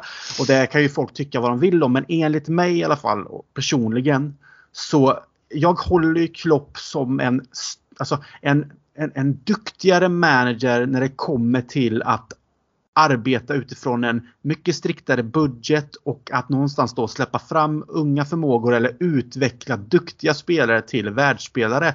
Mm. Även om de är handplockade av scouterteam och allt det här i Liverpool som vi har lärt oss. Att det har liksom scoutats länge. De tar fram statistik som de gjorde till exempel med Sala. Och Sala var ju inte ens första alternativet när han kom. Ska vi komma ihåg enligt vad som har sagts. Men att det ändå fanns fog för att ta in honom för att siffrorna var någorlunda i likhet med det som var tänkt. Nu kommer jag inte ihåg vem det faktiskt var från början men skitsamma.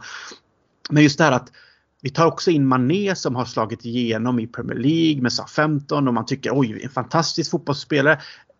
Liverpool plockar in honom under Jürgen Klopp och gör honom bättre. Och mm. alla spelare som har kommit in i Liverpool skulle jag säga nästintill i alla fall efter att Jürgen Klopp kom och även de som fanns tidigare.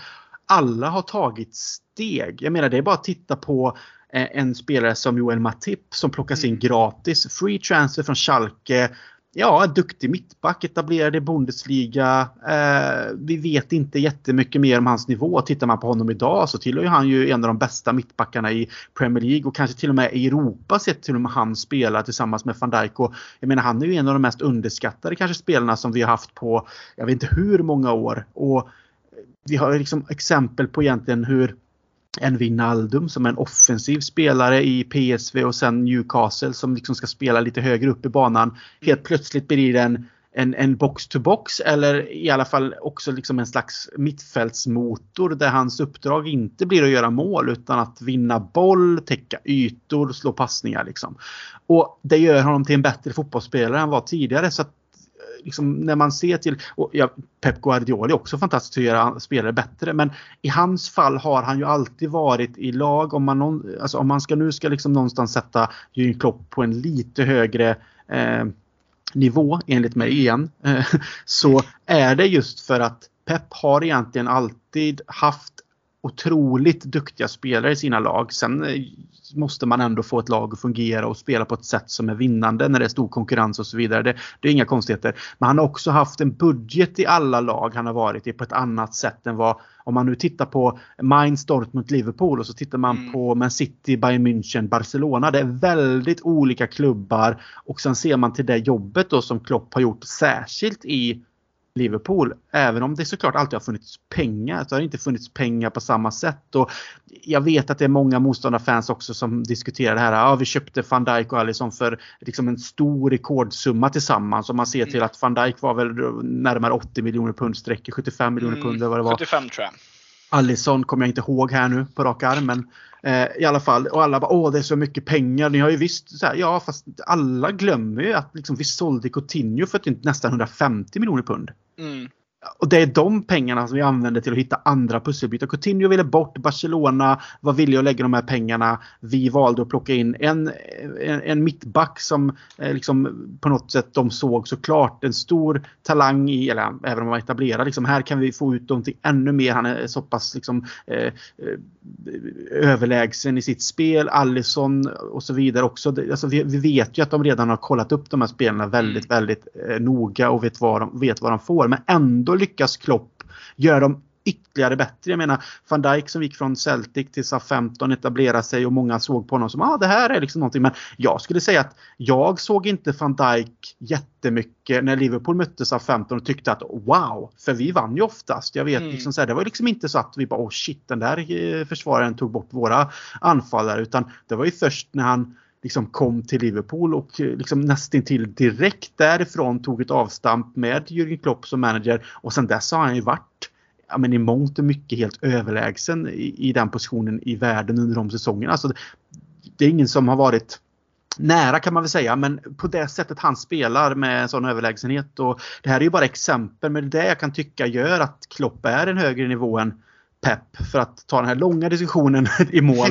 Just att han har inte haft samma medel. När han har köpt så har han behövt sälja. Han har behövt ta det som redan funnits i klubben och försöka också utveckla det och, och har gjort det med en del spelare med. Sen som sagt, han har låtit en Trent komma fram. Vi plockade en Robertson eh, jättebilligt från Hall och där sålde vi också en spelare dit så det blev nästan till noll om man ska kalla det så. Alltså, eh, det, det, liksom, det finns så många exempel på hur han är, även en sån som Firmino som kommer in innan Klopp. Mm. Eh, alltså, han var ju duktig i Hoffenheim och många som pratade, snack om United och så vidare innan han kom till Liverpool. Och visst, man visste inte riktigt vad man skulle få. Han spelade ute till kanten många gånger. Eh, man visste inte riktigt vilken typ av spelare är han är. Han är en så här snabb teknisk brasse. Eller ska... Sen lärde vi oss rätt så snabbt liksom att ah, han är ingen så här supermålgörare men han har något annat och Klopp mm. kommer in och gör han också. Så han, han skapar ju en en anfallsförsvarsspelare som både gör mål men vinner boll och är fantastisk i kreativitet när det kommer till att skapa eh, ytor och eh, sätta sina medspelare i jättebra positioner och hitta liksom lite flickar och lite passningar här och där. Så han, han har hela tiden tagit spelare och förbättrat dem och det mm. tycker jag hela tiden är någonting som han, han vinner den kammen mot Guardiola. Även om han tar fram spelare och gör dem bättre också säkert så det, han har helt andra medel att peka på vilka spelare han vill ha. De här passar, det här, de här till ett eliten. Klopp har fått jobba med lite andra medel och det, det hedrar honom tycker jag. Ja, men innan vi hoppar tillbaks till att fortsätta summera Klopps Liverpool-karriär så måste jag ändå ta vid vid en grej som jag tycker är väldigt intressant just när man kollar på värvningarna och så här. Att nu är det stor skillnad i pengarna vad Dejan Lovren kostade kontra Virgil van Dijk, men Lovren var rätt dyr. Jag vill komma ihåg att det var runt 25 miljoner pund när vi köpte honom från Southampton. Ja, det låter rätt rimligt faktiskt. Och här tycker jag att Liverpool har tagit så tydliga kliv eh, i sin scoutingverksamhet. Och om det är tack vare Klopp enbart, det tror jag inte. Utan jag tror säkert att Michael Edwards och scoutingteamet överlag är mycket bättre idag. Mm. Men det jag tycker man kan se både från SA-15-tiden men också tiden i Liverpool med Dejan Lovren är att det är en jättebra försvarsspelare när han får försvara framför sig. När spelet händer så att han kan se bollen och se, alltså gå in i en närkamp eller gå in i en brytning, då är han bra. Och det var han i Liverpool också. Problemet var att när han spelade i Liverpool, då fick han bollen bakom sig hela tiden och då blev det väldigt jobbigt. Uh. För att, vi kan ju ta den här matchen när han blev utbytt efter en halvtimme mot eh, Tottenham eh, när vi torskar med 4-1. Det är ju väl två mål han ger bort för att han inte har koll på att en spelare springer bakom ryggen och lite så här halvlunkandes försöker hinna ikapp. Mm. Medan som du säger, nej van Dijk stack inte ut speciellt mycket i ett relativt lågstående Southampton. Men när han kommer till Liverpool och fick spela med den här höga försvarslinjen, då ser man ju vilken mittback det är. Alltså, allt som oftast så lämnas ju van Dijk, Matip och Fabinho, kanske med någon ytterback, mot 4-5 offensiva spelare i motståndarlaget. Och det är där han är som bäst. Ja. Både när han får följa med i löpningen defensivt men också i närkampsspelet. Sen är han också bara i grunden en bättre mittback än Lovren. Men jag menar att där har ju de sett någonting att här kommer han passa in i vårt sätt att försvara. Mm. Um, och det har ju uppenbarligen funkat. Det har vi ju sett på resultaten. Ja, och sen tror jag där om man kopplar till van Dijk. Jag tror att man har gjort väldigt mycket jämförelser. Van Dijk, hur han spelar och hans sätt att vara en fotbollsspelare och en försvarare eh, i, i värvningen av Konate. Det tror jag, jag sannerligen också. För man ser väldigt mycket likheter i, även om alla är olika, så ser man ändå att mm. Konate har lite samma typ av spel. Det är rätt så lugnt och tryggt. Eh, och visst, det tar ju alltid lite tid att komma in i det. Så det har vunnit, mm. funnits några situationer. Men om man tittar och summerar på hans matcher i Liverpool som har varit liksom sen han kom så tycker jag att han liksom i majoritet har inte varit några konstigheter. Han känns trygg, stabil, brytit, eh, spelar boll, liksom vinner mm. nickdueller. Och det känns som att ja, men det här har man liksom tittat på att hans statistik och siffror och sätt att spela det är i jämförelse med van Dijk fast då i ett annat mm. lag i en annan liga. Men här har vi någon som vi kan plocka in eh, vara som en adept till van Dijk och som i det långa loppet kan ta över den typen av roll. Det, det, liksom, det är så man märker att de, de jobbar lite. Mm. Och det, det är så, såklart en, en, en jättestor del av scoutingteamet och de som sköter just det. Men allting är ju antagligen och är rätt så säker på i samspråk med Jürgen Klopp såklart. Eh, och det är ju där han också är med och tittar ut och vet vad han får in. För han är ju också väldigt noga med att vi, som han har sagt, vi vet ju att de är duktiga fotbollsspelare. Det, det är bra liksom, men han vill också ha rätt, in person, alltså rätt mm. personligheter in. Och det, det har ju också visat sig vara någonting som är i en värld där vi läser och hör om fotbollsspelare, eh, proffs i det här fallet, som både ja, för våld mot sina sambos eller flickvänner mm. och även då misshandlar katter och skit. Och det är hemskt. Och, ja, men det, det, är, det är hemskt att läsa och se. Man liksom, det här är liksom role models för jättemånga människor där ute. De är ju som vi, oss andra med och det, all, alla felar ju såklart. Men det är ju liksom någonting fel när man gör på det viset och de typen av saker. Det är ju straffbart, det är olagligt och så vidare. Men det känns som att Liverpool, och jag, liksom, visst man får ta i trä här, men det känns som att det just här och nu är eh, väldigt eh, osannolikt att den typen av person skulle dyka upp i Liverpools trupp. Förstår du? Det känns som ja. att man har tagit reda på vilken typ av person har, är de här spelarna. Hur fungerar de med familj? Vilken typ av moral har de? Vad är viktigt för dem? Hur, hur vill de leva sitt liv? Det känns väldigt mycket som att man gjort en sån här background check lite så här. Vi vill inte ha in några bråkstakar, inga individer som gör si och så. Vi vill ha liksom personer som vi vet att vi kan lita på och gör rätt för sig liksom i, de, i de flesta aspekter. Ja, nej, men jag håller helt med dig och jag tror att som du säger med de här incidenterna, vi behöver inte gå in allt för mycket på vilka spelare vi pratar om. Folk kommer förstå ändå. Ja. Så jag måste bara få lyfta när du tar upp den här kattincidenten. Jag fnissade till lite. Det är inte för att jag tycker att händelsen är rolig, utan det är för att jag tycker att den är så surrealistisk och sjuk att hur kan man, alltså den som filmar in, filmar det, alltså vad är poängen? Alltså det är inte roligt någonstans och det är det som blir det här sjuka. Så jag ville bara be om ursäkt för mitt lilla fniss där. ja, det gör jag. jag håller med dig och sen om man innan vi bara lägger den på hyllan, den diskussionen så är det också så här att tänker man så här, vem i den här personens närhet filmar det här och tycker att det är roligt och sen också tycker mm. att så här, oh, men det här lägger vi ut. Det här mm. var skitkul. Man mm. undrar bara Ja, jag vet inte eh, vad det är för typ av eh, aktivitet i, i den personens hjärna överhuvudtaget i det läget. Eller vad det är för aktivitet i personen som utför själva händelsen heller om man ska dra det så. Men eh, ja. det var ett litet sidospår. Men just att vi ska prata när vi pratar om Liverpool och, det, och Jürgen Klopp och det, ja. det laget och den sammanhållningen och vilken typ av spelare han vill ha i sitt lag som inte bara handlar om fotbollskvaliteter utan vilken typ av person de är så är det väldigt, väldigt viktigt har man förstått för honom. Ja, men verkligen. Eh, och eh, vi var ju inne på, nu ska vi komma tillbaks till där vi var och det är ju Champions League där. Det var där vi var senast, där eh, första säsongen i Champions League. Um, och vi var ju i Hoffenheim-matchen och vi tog oss vidare därifrån, så kan vi bygga vidare här.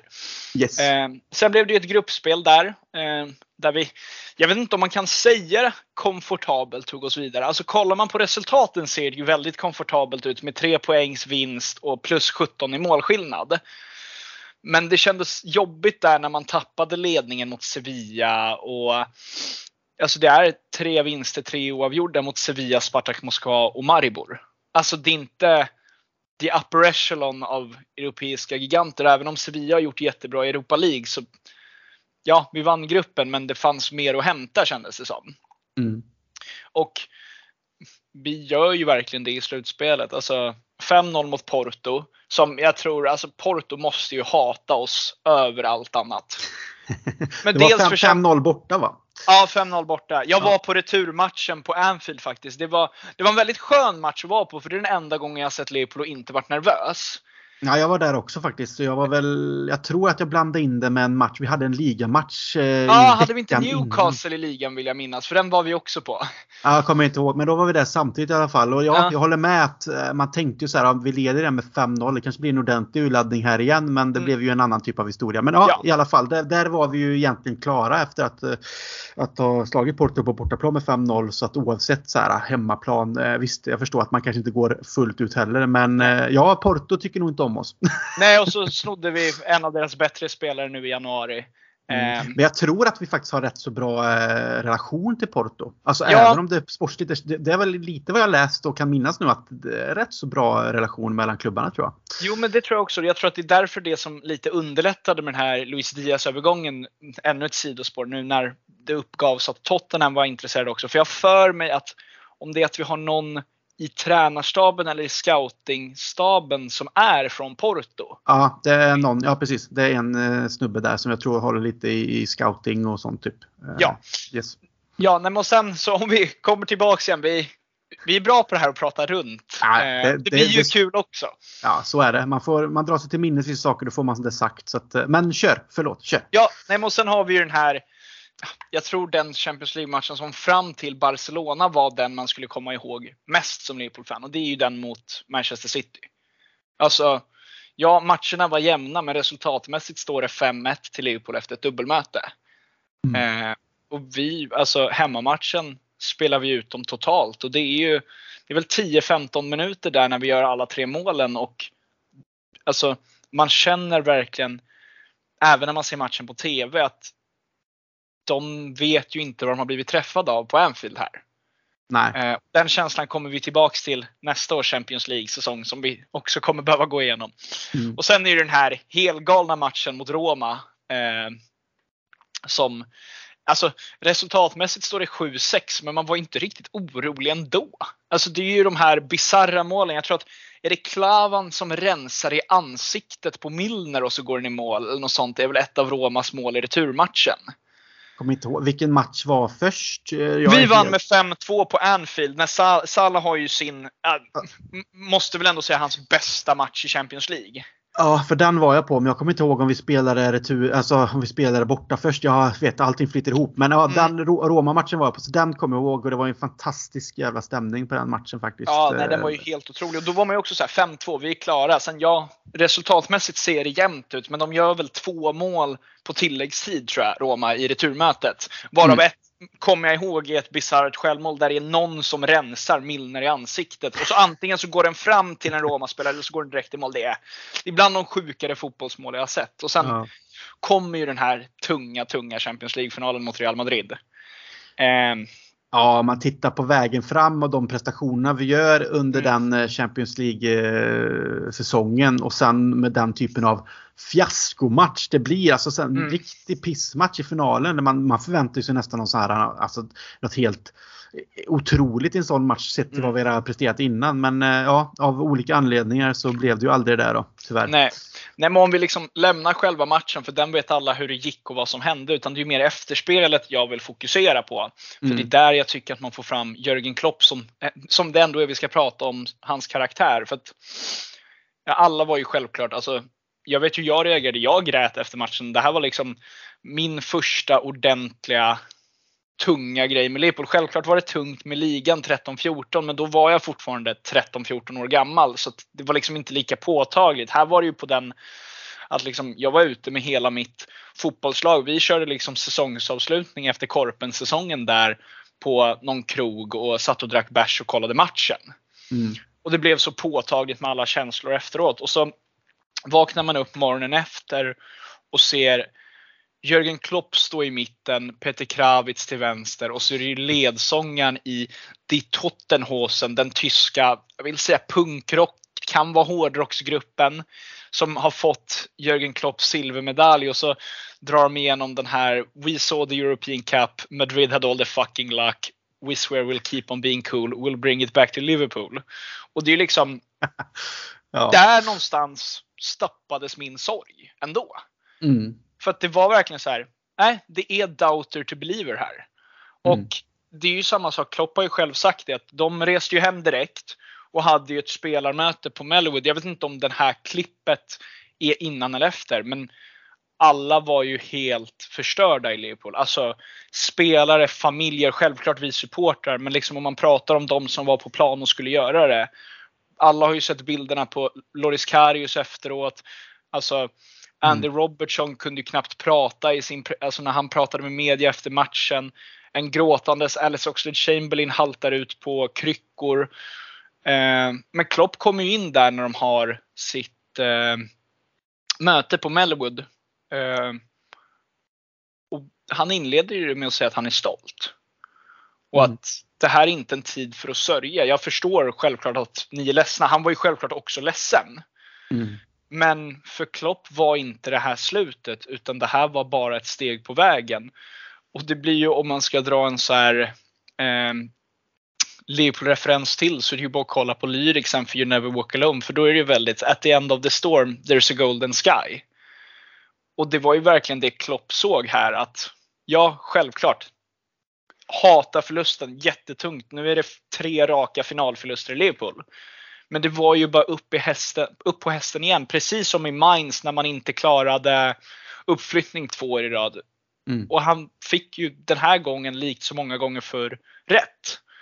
Alltså säsongen efter, det märkte vi och det kändes ju redan där och då som, eller det hade ju känts så innan, men här någonstans med de här citaten och med hans karaktär så förstår man verkligen vilken match made in heaven han är för Liverpool. Inte bara som fotbollslag men också för en stad som har kämpat så och fortfarande gör så otroligt mycket i motvind. Mm. Nej, absolut.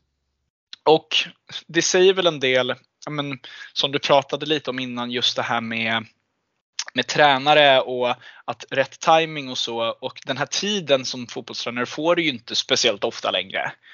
Mm. Eh, och det är ju rätt intressant. Det känns inte, alltså det är lång tid, men det känns inte som att Klopp har varit i Liverpool jättelänge i alla fall för mig. Men han är den, den tränaren i Premier League som har varit i sin klubb näst längst idag.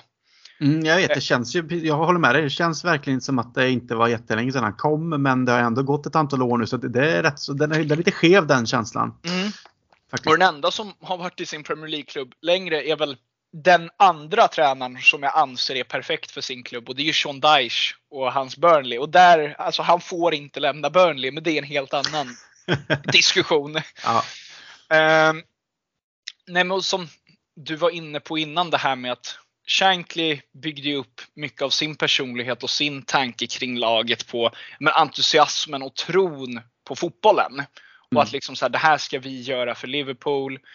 Eh, och Klopp bygger på lite liknande sätt med sin karisma och humor att vi förlorade en Champions League-final men jag ska stå här och sjunga inför supportrarna med en tysk punkrockare dagen efter för att vi ska bara göra det här igen.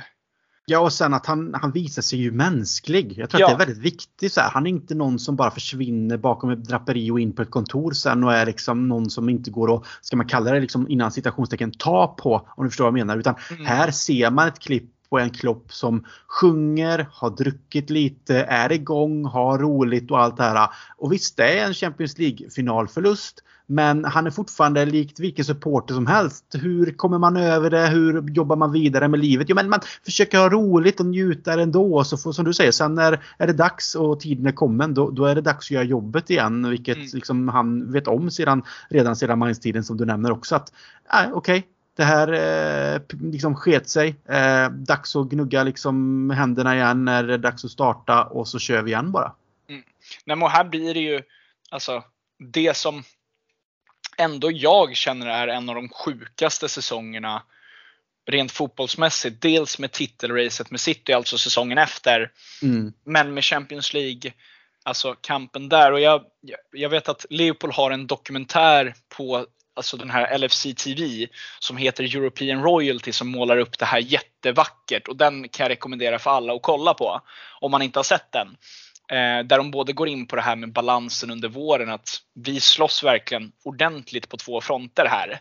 Mm. Eh, men som sagt, för att koppla tillbaks, vi, vi ska upp på hästen igen och det är ju det är ju Champions League man gör året efter också. Det är ju en tuff grupp vi lottas in i med Paris Saint-Germain, Napoli och även Röda Stjärnan som, ja namnkunnigt inte är där, men vi såg ju vad som hände i Serbien och alltså vad det är för typ av lag man ställs emot. Och de har ju sänkt Liverpool tidigare i Champions League eh, på 80-talet om jag inte minns fel.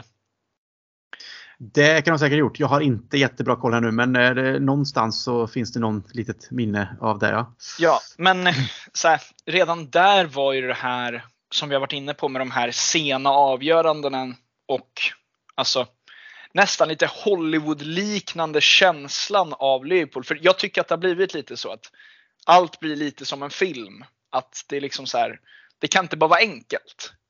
Eh, det ska finnas så här draman. Det är så här, mm, vi inleder jättebra, leder med 2-0 mot PSG. Sen från ingenstans är det 2-2. mm. Och så ska man avgöra, alltså så avgör Firmino i 92 efter att ha kommit tillbaka från en bizarr ögonskada. Eh, sen slår vi väl Nej, sen åker vi och gör vår sämsta match kanske under Klopp borta mot Napoli. Det är väl den matchen efteråt när vi torskar med 1-0 där och är ja, någon helt annanstans. Eh, kommer tillbaks, slår Röda Stjärnan. Sen åker man och förlorar i Serbien, vilket gör läget jättetufft. Förlorar sen i Paris. Mm. Och så är det den här helt avgörande matchen som egentligen blir som ett europeiskt, alltså som en utslagsmatch eftersom att man börjar räkna på det här med ja, vi kan vinna med 1-0 men annars måste det bli 3-1 om Napoli är mål för att då har de bättre bortamålstatistik i en gruppspelsmatch. Mm, det är lite som om man kopplar tillbaka till Olympiakos matchen Mm. eh, 04 där inför 04-05 och vi går vidare. Så att, där gör ju de ett mål och vi behöver göra tre. Mm. Ja, men det är ju verkligen den känslan. Och så här, jag har sett om den här Napoli-matchen så många gånger och att vi bara gör ett mål i den matchen kan jag till idag fortfarande inte förstå. För att vi har så mycket chanser och vi missar så mycket. Och jag som någon hobbytyckare och tänkare om fotboll vet ju ändå någonstans att Napoli kommer få den där chansen. Så är det alltid. Alltså, man kan säga vad man vill om fotbollen, men fotbollen är förutsägbar på vissa sätt. Att någonting kommer hända så att de får möjligheten. Och här visar ju det här nästa steg Liverpool tog. För att det är ju Alisson som tar oss till eh, Champions League åttondelsfinal med räddningen han gör där på Llorente tror jag det är i slutet. Nej, Llorente kan det inte vara. Han var i Tottenham då. Skitsamma. Men det är liksom redan där. Vi är millimeter från att vara ute ur Champions League. Det var han polacken va? Ja, ah, det kan det ha varit. Vad hette han då? Eh, Ja du, det står helt still. Någonting med K. Men ja, Ja, jag tror det i alla fall. Ja. Kim, Kimmich kanske? Nej, Kimmich Ah. är ju nu helt ut kall, kall. Skitsamma. Det är Ja. någonting i likheten i alla fall. Men jag tror Ja. det. Men så det är liksom så här, det är de här detaljerna. Att vi är millimeter från att spela Europa League istället. Eh, men vi tar oss vidare och får ju på pappret kanske den tuffaste lottningen man kan få. I Bayern München. Mm. Och vi åker till, nu ska vi se så att jag säger rätt här. Vi åker till München, ja så är det. Vi åker till München utan van Dijk. Och grejen när han kom var ju alltid att folk diskuterade ju här att Leopold kan inte spela försvarsspel utan van Dijk för att vi kommer ihåg hur det såg ut innan. Eh, men Matip och är det Fabinho som går ner och spelar mittback den matchen tror jag, stänger ju Bayerns offensiv. Nej, det här är på Anfield, så är det. Vi vinner ju borta i Tyskland. Som sagt, det flyter ihop. Men Mm. de stänger dem ju helt på Anfield. Det blir 0-0 i den matchen. Mm. Ehm, och det är så här, det är ett okej resultat återigen. Men det är fortfarande här, nu ska vi åka och fixa ett resultat i München. Och så åker man dit och alltså. Det var ju aldrig oroligt kände jag. Alltså man Nej. gör 1-0 rätt tidigt. Ja, Matip råkar göra självmål. Men sen är det ju van Dijk är tillbaks, upp och stångar in en hörna i slutet och så är det 3-1 och så är vi vidare. Ehm, sen är det Porto och vi vet ju som sagt vad Porto tycker om oss. ehm, efter det här. Och sen kommer ju matchen alla kommer ihåg från den här säsongen och det är ju Barcelona och den, bara den matchen förtjänar väl egentligen ett helt eget avsnitt. Ja. Eh, men, men för att försöka hålla oss kort så om det var sjukt att vi inte gjorde må fler mål mot Napoli så är det nästan ännu sjukare att vi inte gör ett enda mål på Camp Nou, tycker jag. Ja, alltså du säger, som du säger, saker och ting flyter ihop. Jag, jag var ju på bortamatchen mot Bayern München, vilken var så fantastisk där nere. Mm. Det var ju liksom så här, alltså, man, man, när man står i ett hav av supportrar, man har druckit bärs och sånt. Mycket liksom, man kommer ihåg det, men det är mer fragment. Det är ju mer mm. sen när man sett klippen. Men det var ju samma sak. Jag åkte ner och tittade på matchen borta mot Barcelona med. Och där kommer jag verkligen ihåg att jag, där kan jag liksom känna så här, vad, vad fan, varför gör vi inte mål? Mm. Alltså vi, vi, spelar hur bra som helst men mm. Vi släpper in mål istället och läget inför returen på Anfield ser ju inte bra ut. Och tyvärr kommer jag inte över till den matchen eh, när man tittar med fast i hand nu att det hade ju varit en, något fantastiskt såklart men plånboken sa väl lite annat efter alla de där resorna. så. Men, men det är just det här att där kommer jag verkligen ihåg den matchen att vad fan, hur kan, hur kan vi inte ha gjort fler mål och mm. när vi spelar så här bra på bortaplan mot ett ändå starkt Barcelona. Liksom det här, det här är inte, det här är inte okej. Okay. ja, nej, men jag kommer bara ihåg den här när Salah har öppet mål och drar i insidan av stolpen. Alltså, mm.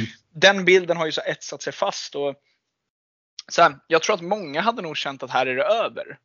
Men återigen så är det ju det här Klopp kommer in med. Det här Doubter to Believer. Det blir ju egentligen temat för hela avsnittet. För jag återigen, av någon konstig anledning så trodde jag på det här. Att så här, man kan vända. Och jag vet att det låter så sjukt och icke sant i efterhand att man ska tro att Liverpool slår det här Barcelona när vi vet att både Salah och Firmino är borta. Mm. Men vi har också den säsongens mest i form anfallare och som liksom pikade sin karriär i Origo. Det kändes ju någonstans här efter att han avgjorde mot Newcastle helgen innan att han kan göra vad som helst just nu. Ja. Och det är precis det han gör. Och intressant är, som du tog upp innan, man plockar in Wijnaldum för att bli liksom en balans, nästan defensiv mittfältare gör man om honom till.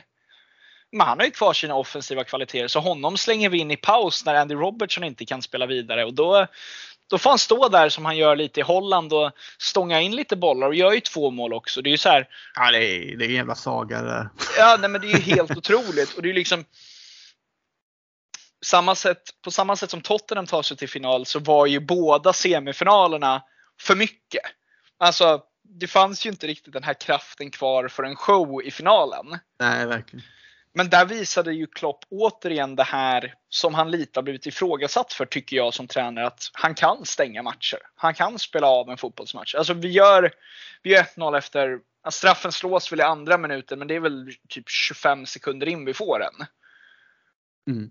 Och sen så händer ju inte jättemycket. Tottenham har en hel del halvchanser. Jag tycker Alisson gör en väldigt bra match. Han gör en fin räddning på Eriksens frispark. Och sen stänger Origi matchen i matchens slutskede. Och vi är Champions League-vinnare för en sjätte gång. Eh, och då kommer man ju tillbaks till det här som Klopp sa dagen efter förlusten i Kiev. Att den här trofén ska tillbaks till Liverpool. Och han fick ju rätt. Ja. Och den är ju så här, ja, självklart kommer han säga det för att det är konstigt om en tränare går ut och säger äh, vi kan inte vinna. Alltså, Ja, och det, det, är just det som är grejen. att Det, det är ju fan så mycket lättare sagt än gjort. Mm.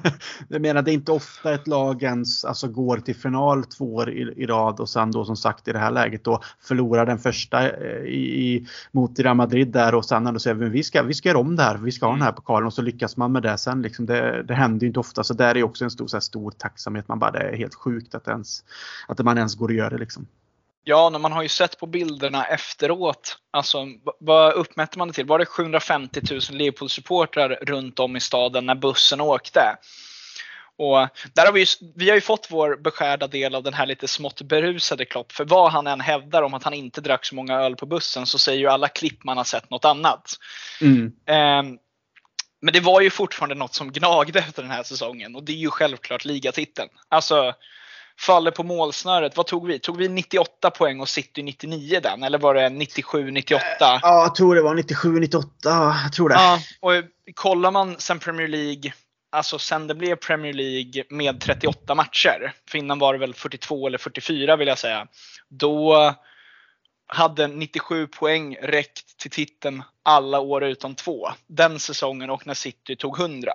Ja, Så det är ju det här som du var inne på hur fan kommer man tillbaks från det här? Hur bygger vi upp det här? Nej, men man gör ett par förändringar i truppen. Det var väl inget jättestort sommaren efter vad jag kommer ihåg. Eh. Nej, och sen eh, handlar det mycket om hur man Alltså jag tror att återigen det här hur man startar om och det här lite we go again känslan som Liverpool mm. har blivit liksom kända för och en slogan och allt det där. Och det är också en sån här sak som andra kan skratta åt. Men det är ju så det har varit lite att de motgångarna som Klopp har haft i Liverpool har han ju tagit till sig, analyserat, tänkt på eh, och sen använt som en eh, kraft och en, liksom en, som bensin till att göra det bättre mm. därefter. Och det har ju lyckats både i Champions League och i Premier League. Mm. Så att jag menar den säsongen sen när vi går in i Premier League och allt det här med, vi behöver inte dra in det här med pandemin och allt det här. Men det förstör ju väldigt mycket sett till mm. firandet och för fansen och sånt. Men det tar ju inte bort bedriften i att ändå lyckas. För det är ju återigen tröskel, en hög, stor tröskel att ta sig över för ingen vet mm. vad som mm. kommer ske. Det sätter sig också på psyket. Så här, kommer vi ens få spela färdigt säsongen? Det snackas om eh, liksom null and void. Eh, mm. Att den blir ogiltig nu när vi kommit så här långt. Liksom, vi mm. leder ligan för City har haft en mer eh, svårare säsong inte riktigt fått det fungera. Här, här är vi på en väg bara att köra över. Mm. Och så kommer det här och vi vet ingenting tills det såklart sen då avgörs i, i juli till och med. Va? Eller mm. avgörs men det blir färdigspelat, färdigspelat på pappret. Ja. Och det, jag menar, det är också en sak som man inte får glömma i den här aspekten. att det är inte bara att man lyckas göra en säsong som är superbra sett i ett sportsligt perspektiv och hur man spelar utan man ska också lyckas finna styrka i att in, liksom inte veta vad som kommer ske mm. framöver på grund av en pandemi. Så att det, det gör ju också den bedriften faktiskt jävligt stor om man nu tittar tillbaka på det lite med helt andra ögon. Ja, nej men precis. Och det var det jag lite ville lyfta. För alla vet vad som hände. Jag kommer inte ihåg exakta siffrorna, men vad är det vi har efter 21-22 omgångar? Då är det 21 vinster och ett kryss. Alltså, mm. det är helt sjuka mm. siffror. Det jag tycker man såg den säsongen tydligare än någon annan är, jag vet att vi låg, vi låg under jättemånga matcher. Alltså ja, hamnade i tidigt underläge. Vände väldigt mycket och en hel del sena avgöranden. Men där kände jag någonstans, man var aldrig orolig. Alltså jag kommer ihåg, vi ligger under mot Aston Villa och kvitterar i 87 och gör 2-1 i 94. Mm. Och jag var ändå så här i 85, nej men de kommer kunna vända det här. Alltså, för att det fanns det här goet i laget som man märkte och det är så imponerande hur man bygger upp efter att på ett sånt sätt ha fallit på målsnöret året innan som du är inne på, att man kan ta det vidare.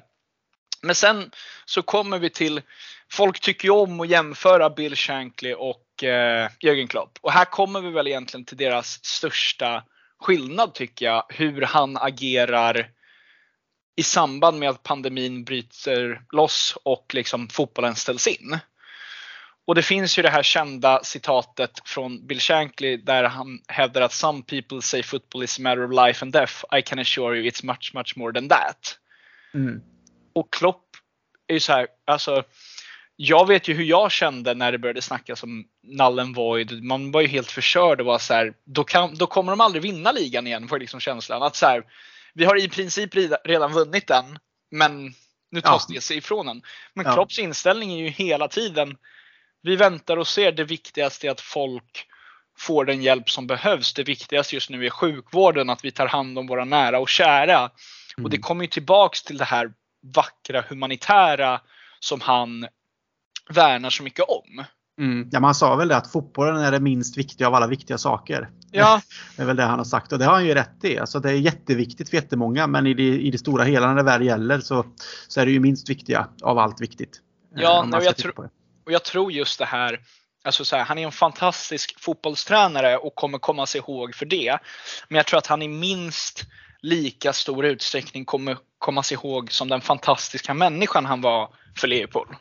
Mm, ja men det är lite det jag tror också att jag menar äh, man har ju själv bara tittat på massa dokumentärer och lyssnat på ljudklipp och grottat ner sig och läst böcker om mm. Bill Shankly och vad han betydde för klubben, staden, folket och när han sa upp sig hur folk grät liksom och så vidare. Mm. Alltså den här en slags myt om en människa som var med och förändrade allt för det Liverpool vi ser idag och mm. staden och allting.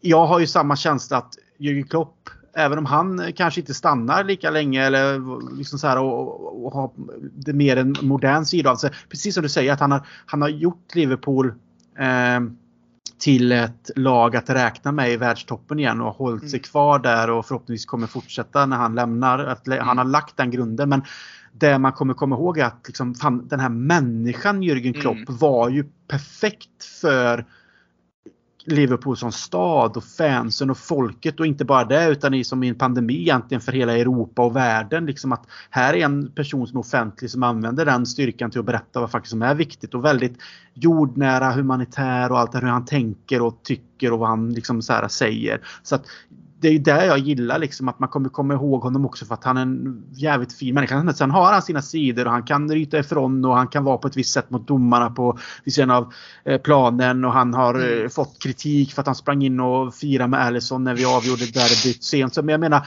vad fan det, jag kan förstå att andra supportrar till andra lag kan tycka att det där är för mycket. Men jag menar, hade det varit mm. deras egna manager så hade de suttit och älskat det. Och jag menar, hade en annan manager gjort det för att de slog oss i, säg 92 minuten och deras manager hade sprungit in och kramat deras målvakt.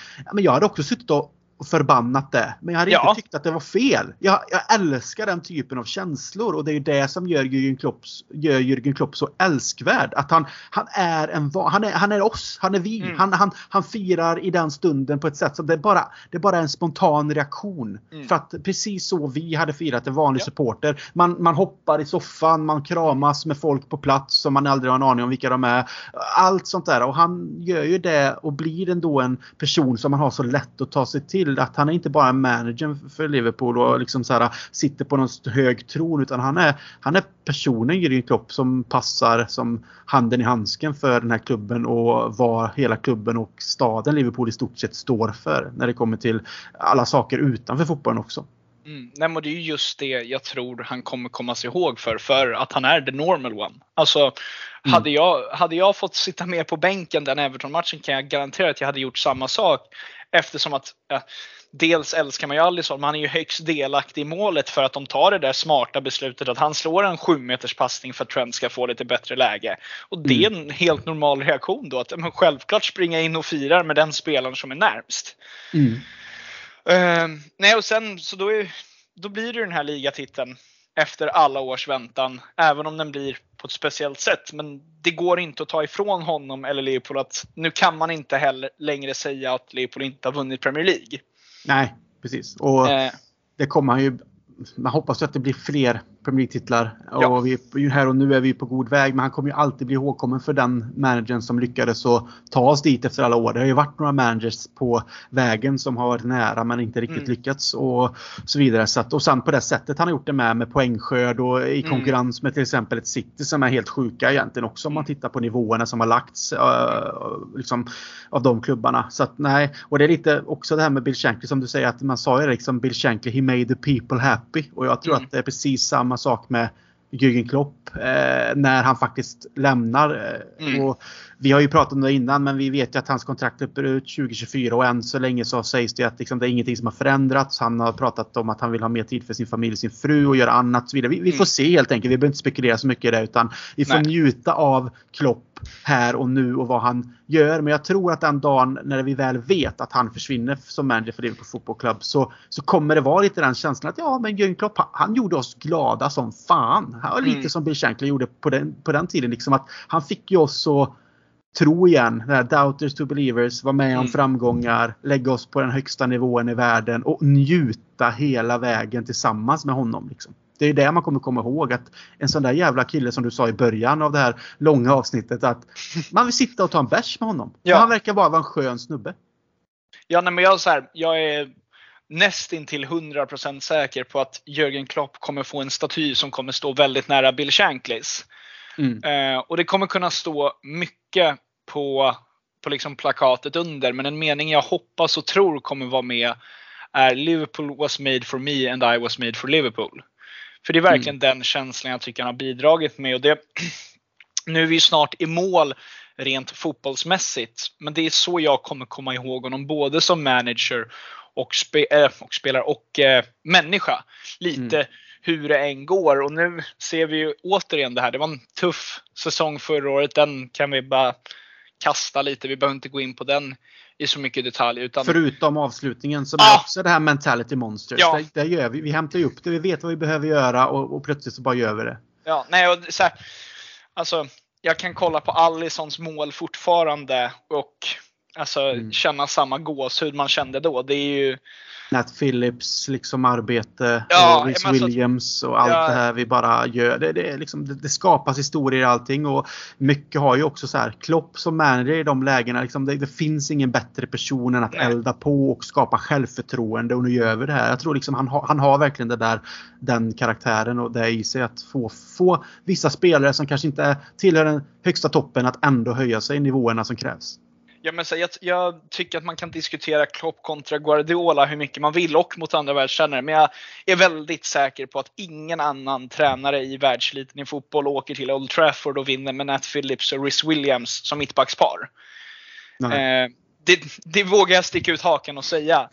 Och vi löste ju den här Champions League-platsen som blev så viktig efter den där jobbiga säsongen. Och nu sitter vi här i, i slutet av mars och vi har redan bärgat en titel som du sa där i början. Mm. Och går ju, alltså, nu får man ju återigen ta i trä, men vi går ju faktiskt för kvadruppen i år.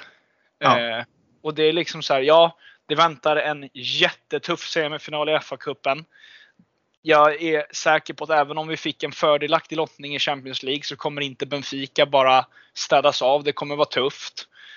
Ehm, och det kommer ju vara, ja men mötet med City i ligan blir ju nästan som en final om formen för båda lagen håller upp sig. Ja. Ehm, och det var ju lite som du, jag såg att du skrev det på Twitter häromdagen. Hur ska man kunna göra något annat än att kolla på fotboll de där veckorna? För det är ju liksom, ja men säsongen avgörs ju om, är det drygt två veckor det här he- hektiska schemat dras igång. Ja, det är ju från egentligen, eh, ja precis, Watford-matchen den 2 april är det va? Lördag. Där, därifrån så är det ju helt omöjligt att få in något annat i livet typ. Ja, nej men precis. Och det är lite så här. Jag tror att självklart känner nog spelarna och Klopp en press. Alltså, det tror du måste leva med som fotbollsspelare. Men jag tror att just det här som händer nu är någonting Klopp älskar för att han ser den här möjligheten att nu, kan, nu på sån här, alltså med den här uppladdningen som det blir, nu kommer folket ha möjlighet att bli lyckliga igen. Mm. Alltså, det, mycket talar ju för att det kan bli en väldigt trevlig summering i maj om allt går som vi vill. Absolut. Och det är ju liksom, ja, vinner vi en, två eller tre titlar, det får vi se då. Men att återigen efter förra säsongen resa sig på det sättet Liverpool har gjort. Och efter en, det var väl inte en tuff start, men vad var City före? Var det 10-12 poäng runt jul? Ja, som högst var, var de inte uppe på 14 poäng? Ja, det Eller- kan nog till och med ha varit. Ja. Och det är liksom så här, självklart så har de haft en lite dalande form nu i ligan och så här, man behöver lite hjälp av andra lag också, men nu är det ju verkligen, alltså det är uppbyggt för att det blir som, Mm. som 18-19 igen. Alltså det kommer verkligen bli ett titelrace som jag onekligen tror kommer ehm, gå ner till alltså målsnöret. Ja, och jag menar, man, man får ju tänka så här, visst, City har tappat sitt övertag, det stora övertaget de hade i- i, poäng, i poängskillnad. Och sånt kan ju ske, men det är också det att när de har gått på sina plumpar så har ju det alltid varit så att Liverpool måste själva göra jobbet. Och Ja. vi har ju ändå lyckats göra det. Och det är återigen det här att man, man vet om vad som krävs.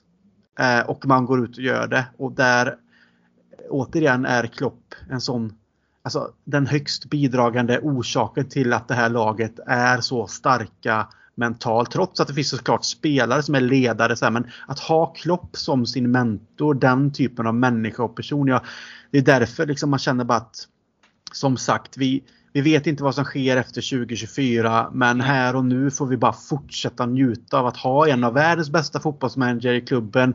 En av de kanske finaste människorna i fotbollsvärlden i klubben. Eh, om man nu ska sätta han i det facket i alla fall. För jag menar, det, fina människor finns det ju på alla sätt Alla i hela plan. världen såklart. Ja. Men just inom fotbollsvärlden då så tillhör han ju en de här, man, man, liksom, man tycker att fan liksom, han är ju en fadersfigur och det säger ju Mm. många spelare också. Han är som en pappa liksom när Alissons pappa gick bort. Klopp Mm. kom nästan in och eh, fel att säga att tog den platsen. Men han har ju kunnat känna en trygghet i att ha Klopp och så vidare. Det, det liksom Mm. är någonting med honom som gör att liksom, spelare vill spela för honom. De vill komma till Liverpool för att vara under Klopp. För det finns någonting bara väldigt fint där. Ja, men jag tror alltså, nu har vi nog sagt det mesta. men som du säger, det kan bli alltså, otroligt vackert i maj också. Men jag tror att redan nu har Klopp men i stort gjort sitt legacy i Liverpool. Alltså så här, självklart hoppas vi ju att han fyller på med fler titlar. Mm. Men som vi har varit inne på, han kommer komma sig ihåg för minst lika mycket den människan han var, både för fotbollen men också för staden och människorna i vad som de senaste åren har varit en väldigt tuff tid runt om i världen med allt som har hänt. Ja. Och alltså hans citat om att fotbollen är den minst viktiga av viktiga saker har väl aldrig varit så sant som nu. Men han har ju fortfarande fått oss att tro och våga göra det. Och det är mm. så jag kommer minnas vad för mig troligen kanske är den största Liverpool-tränaren som, kommer, som vi kommer ha under min livstid. Mm. Nej, absolut. Det, det är ju inte helt osannolikt. Vi får se vad som sker längre fram, men här och nu som sagt så är det Klopp som gäller. Jag tycker väl att vi någonstans avrunda där. Vi mm. börjar närma oss eh, två timmar eh, i det här avsnittet. Och man får pausa helt enkelt om man tycker att det blir tungt. Men det här går ju liksom att lyssna på om och om igen när man vill eftersom att mm. det är mm. tidslöst på det sättet. Så att, eh, nej, vad, har du någonting att tillägga? Hur har det varit att prata Jürgen Klopp? Nej men det är ju det är gåshud vissa grejer man tar upp. Mm. Alltså mm. det är ju lite så här, det, det känns som att man känner en människa man aldrig har träffat om man verkligen älskar den människan på det man sitter och läser och det vi tar upp här och det är verkligen så här. Nej men mm. citatet som jag hoppas att han har, som jag sett att folk har skrivit vid, vad jag hoppas blir en staty för honom att Liverpool was made for me and I was made for Liverpool. Det, det känns som orden som verkligen ramar in hela Jörgen Klopps både historia i Liverpool men fotbollshistoria överlag som vi ändå har gått igenom. Ja, och det, det är ju också, ska vi klargöra, det är också ett citat som Bill Shankly har sagt. Eh, mm. men det som, eh, som Klopp har använt också vill jag minnas i något tillfälle. Just det den, här lik, den, här, men den här likheten till Bill Shankly i modern tid när det har tagits upp också att han ser ju det också precis så att hade han vetat har han ju sagt att Liverpool, att det var så fantastiskt i Liverpool eh, som klubb och med allting som är runt omkring med supporten och kulturen så hade han ju velat komma mycket tidigare. Mm. Eh, det har han ju sagt så att det, liksom, det skulle inte förvåna mig om det kommer upp något citat på någon staty framöver men eh, vad det blir får vi se men eh, nej det är ju lite så. Han, han är ju som skapt för Liverpool fotbollsklubb. Men eh, med det sagt så som sagt vi får njuta och åka med. Eh, våren kommer vara intensiv. Vi hoppas att vi är med hela vägen in i maj. Eh, och ja, Rasmus, jag får tacka dig återigen för att du ville ta dig tid att vara med och prata Jürgen Klopp och eh, orka med det här matiga som det blir. Men det är ju jäkligt svårt att sluta prata för det är så jäkla roligt och jag hoppas att eh, vi hörs snart igen i ett annat avsnitt om någonting kul som har med Liverpool att göra. Det hoppas jag också Christian och stort tack att jag fick vara med än en gång ja, eh, återigen, det, att du är välkommen så fort vi får tillfälle. Eh, och eh, till alla som har lyssnat så vill jag säga följ gärna LFC Stories podcast på sociala medier. Där får ni allt matnyttigt när ett nytt avsnitt kommer ut eller tävlingar och så vidare och information. Eh, och sen såklart tack för att ni har lyssnat så hörs vi snart igen. I come here to Liverpool and to Anfield, I've drummed it into our players time and again that they are privileged to play for you.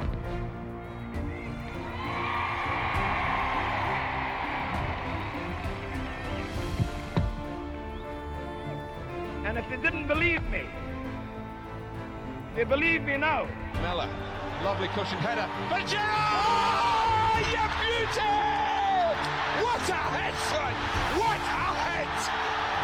Liverpool 3 0. Corner it, take it quickly, Origi!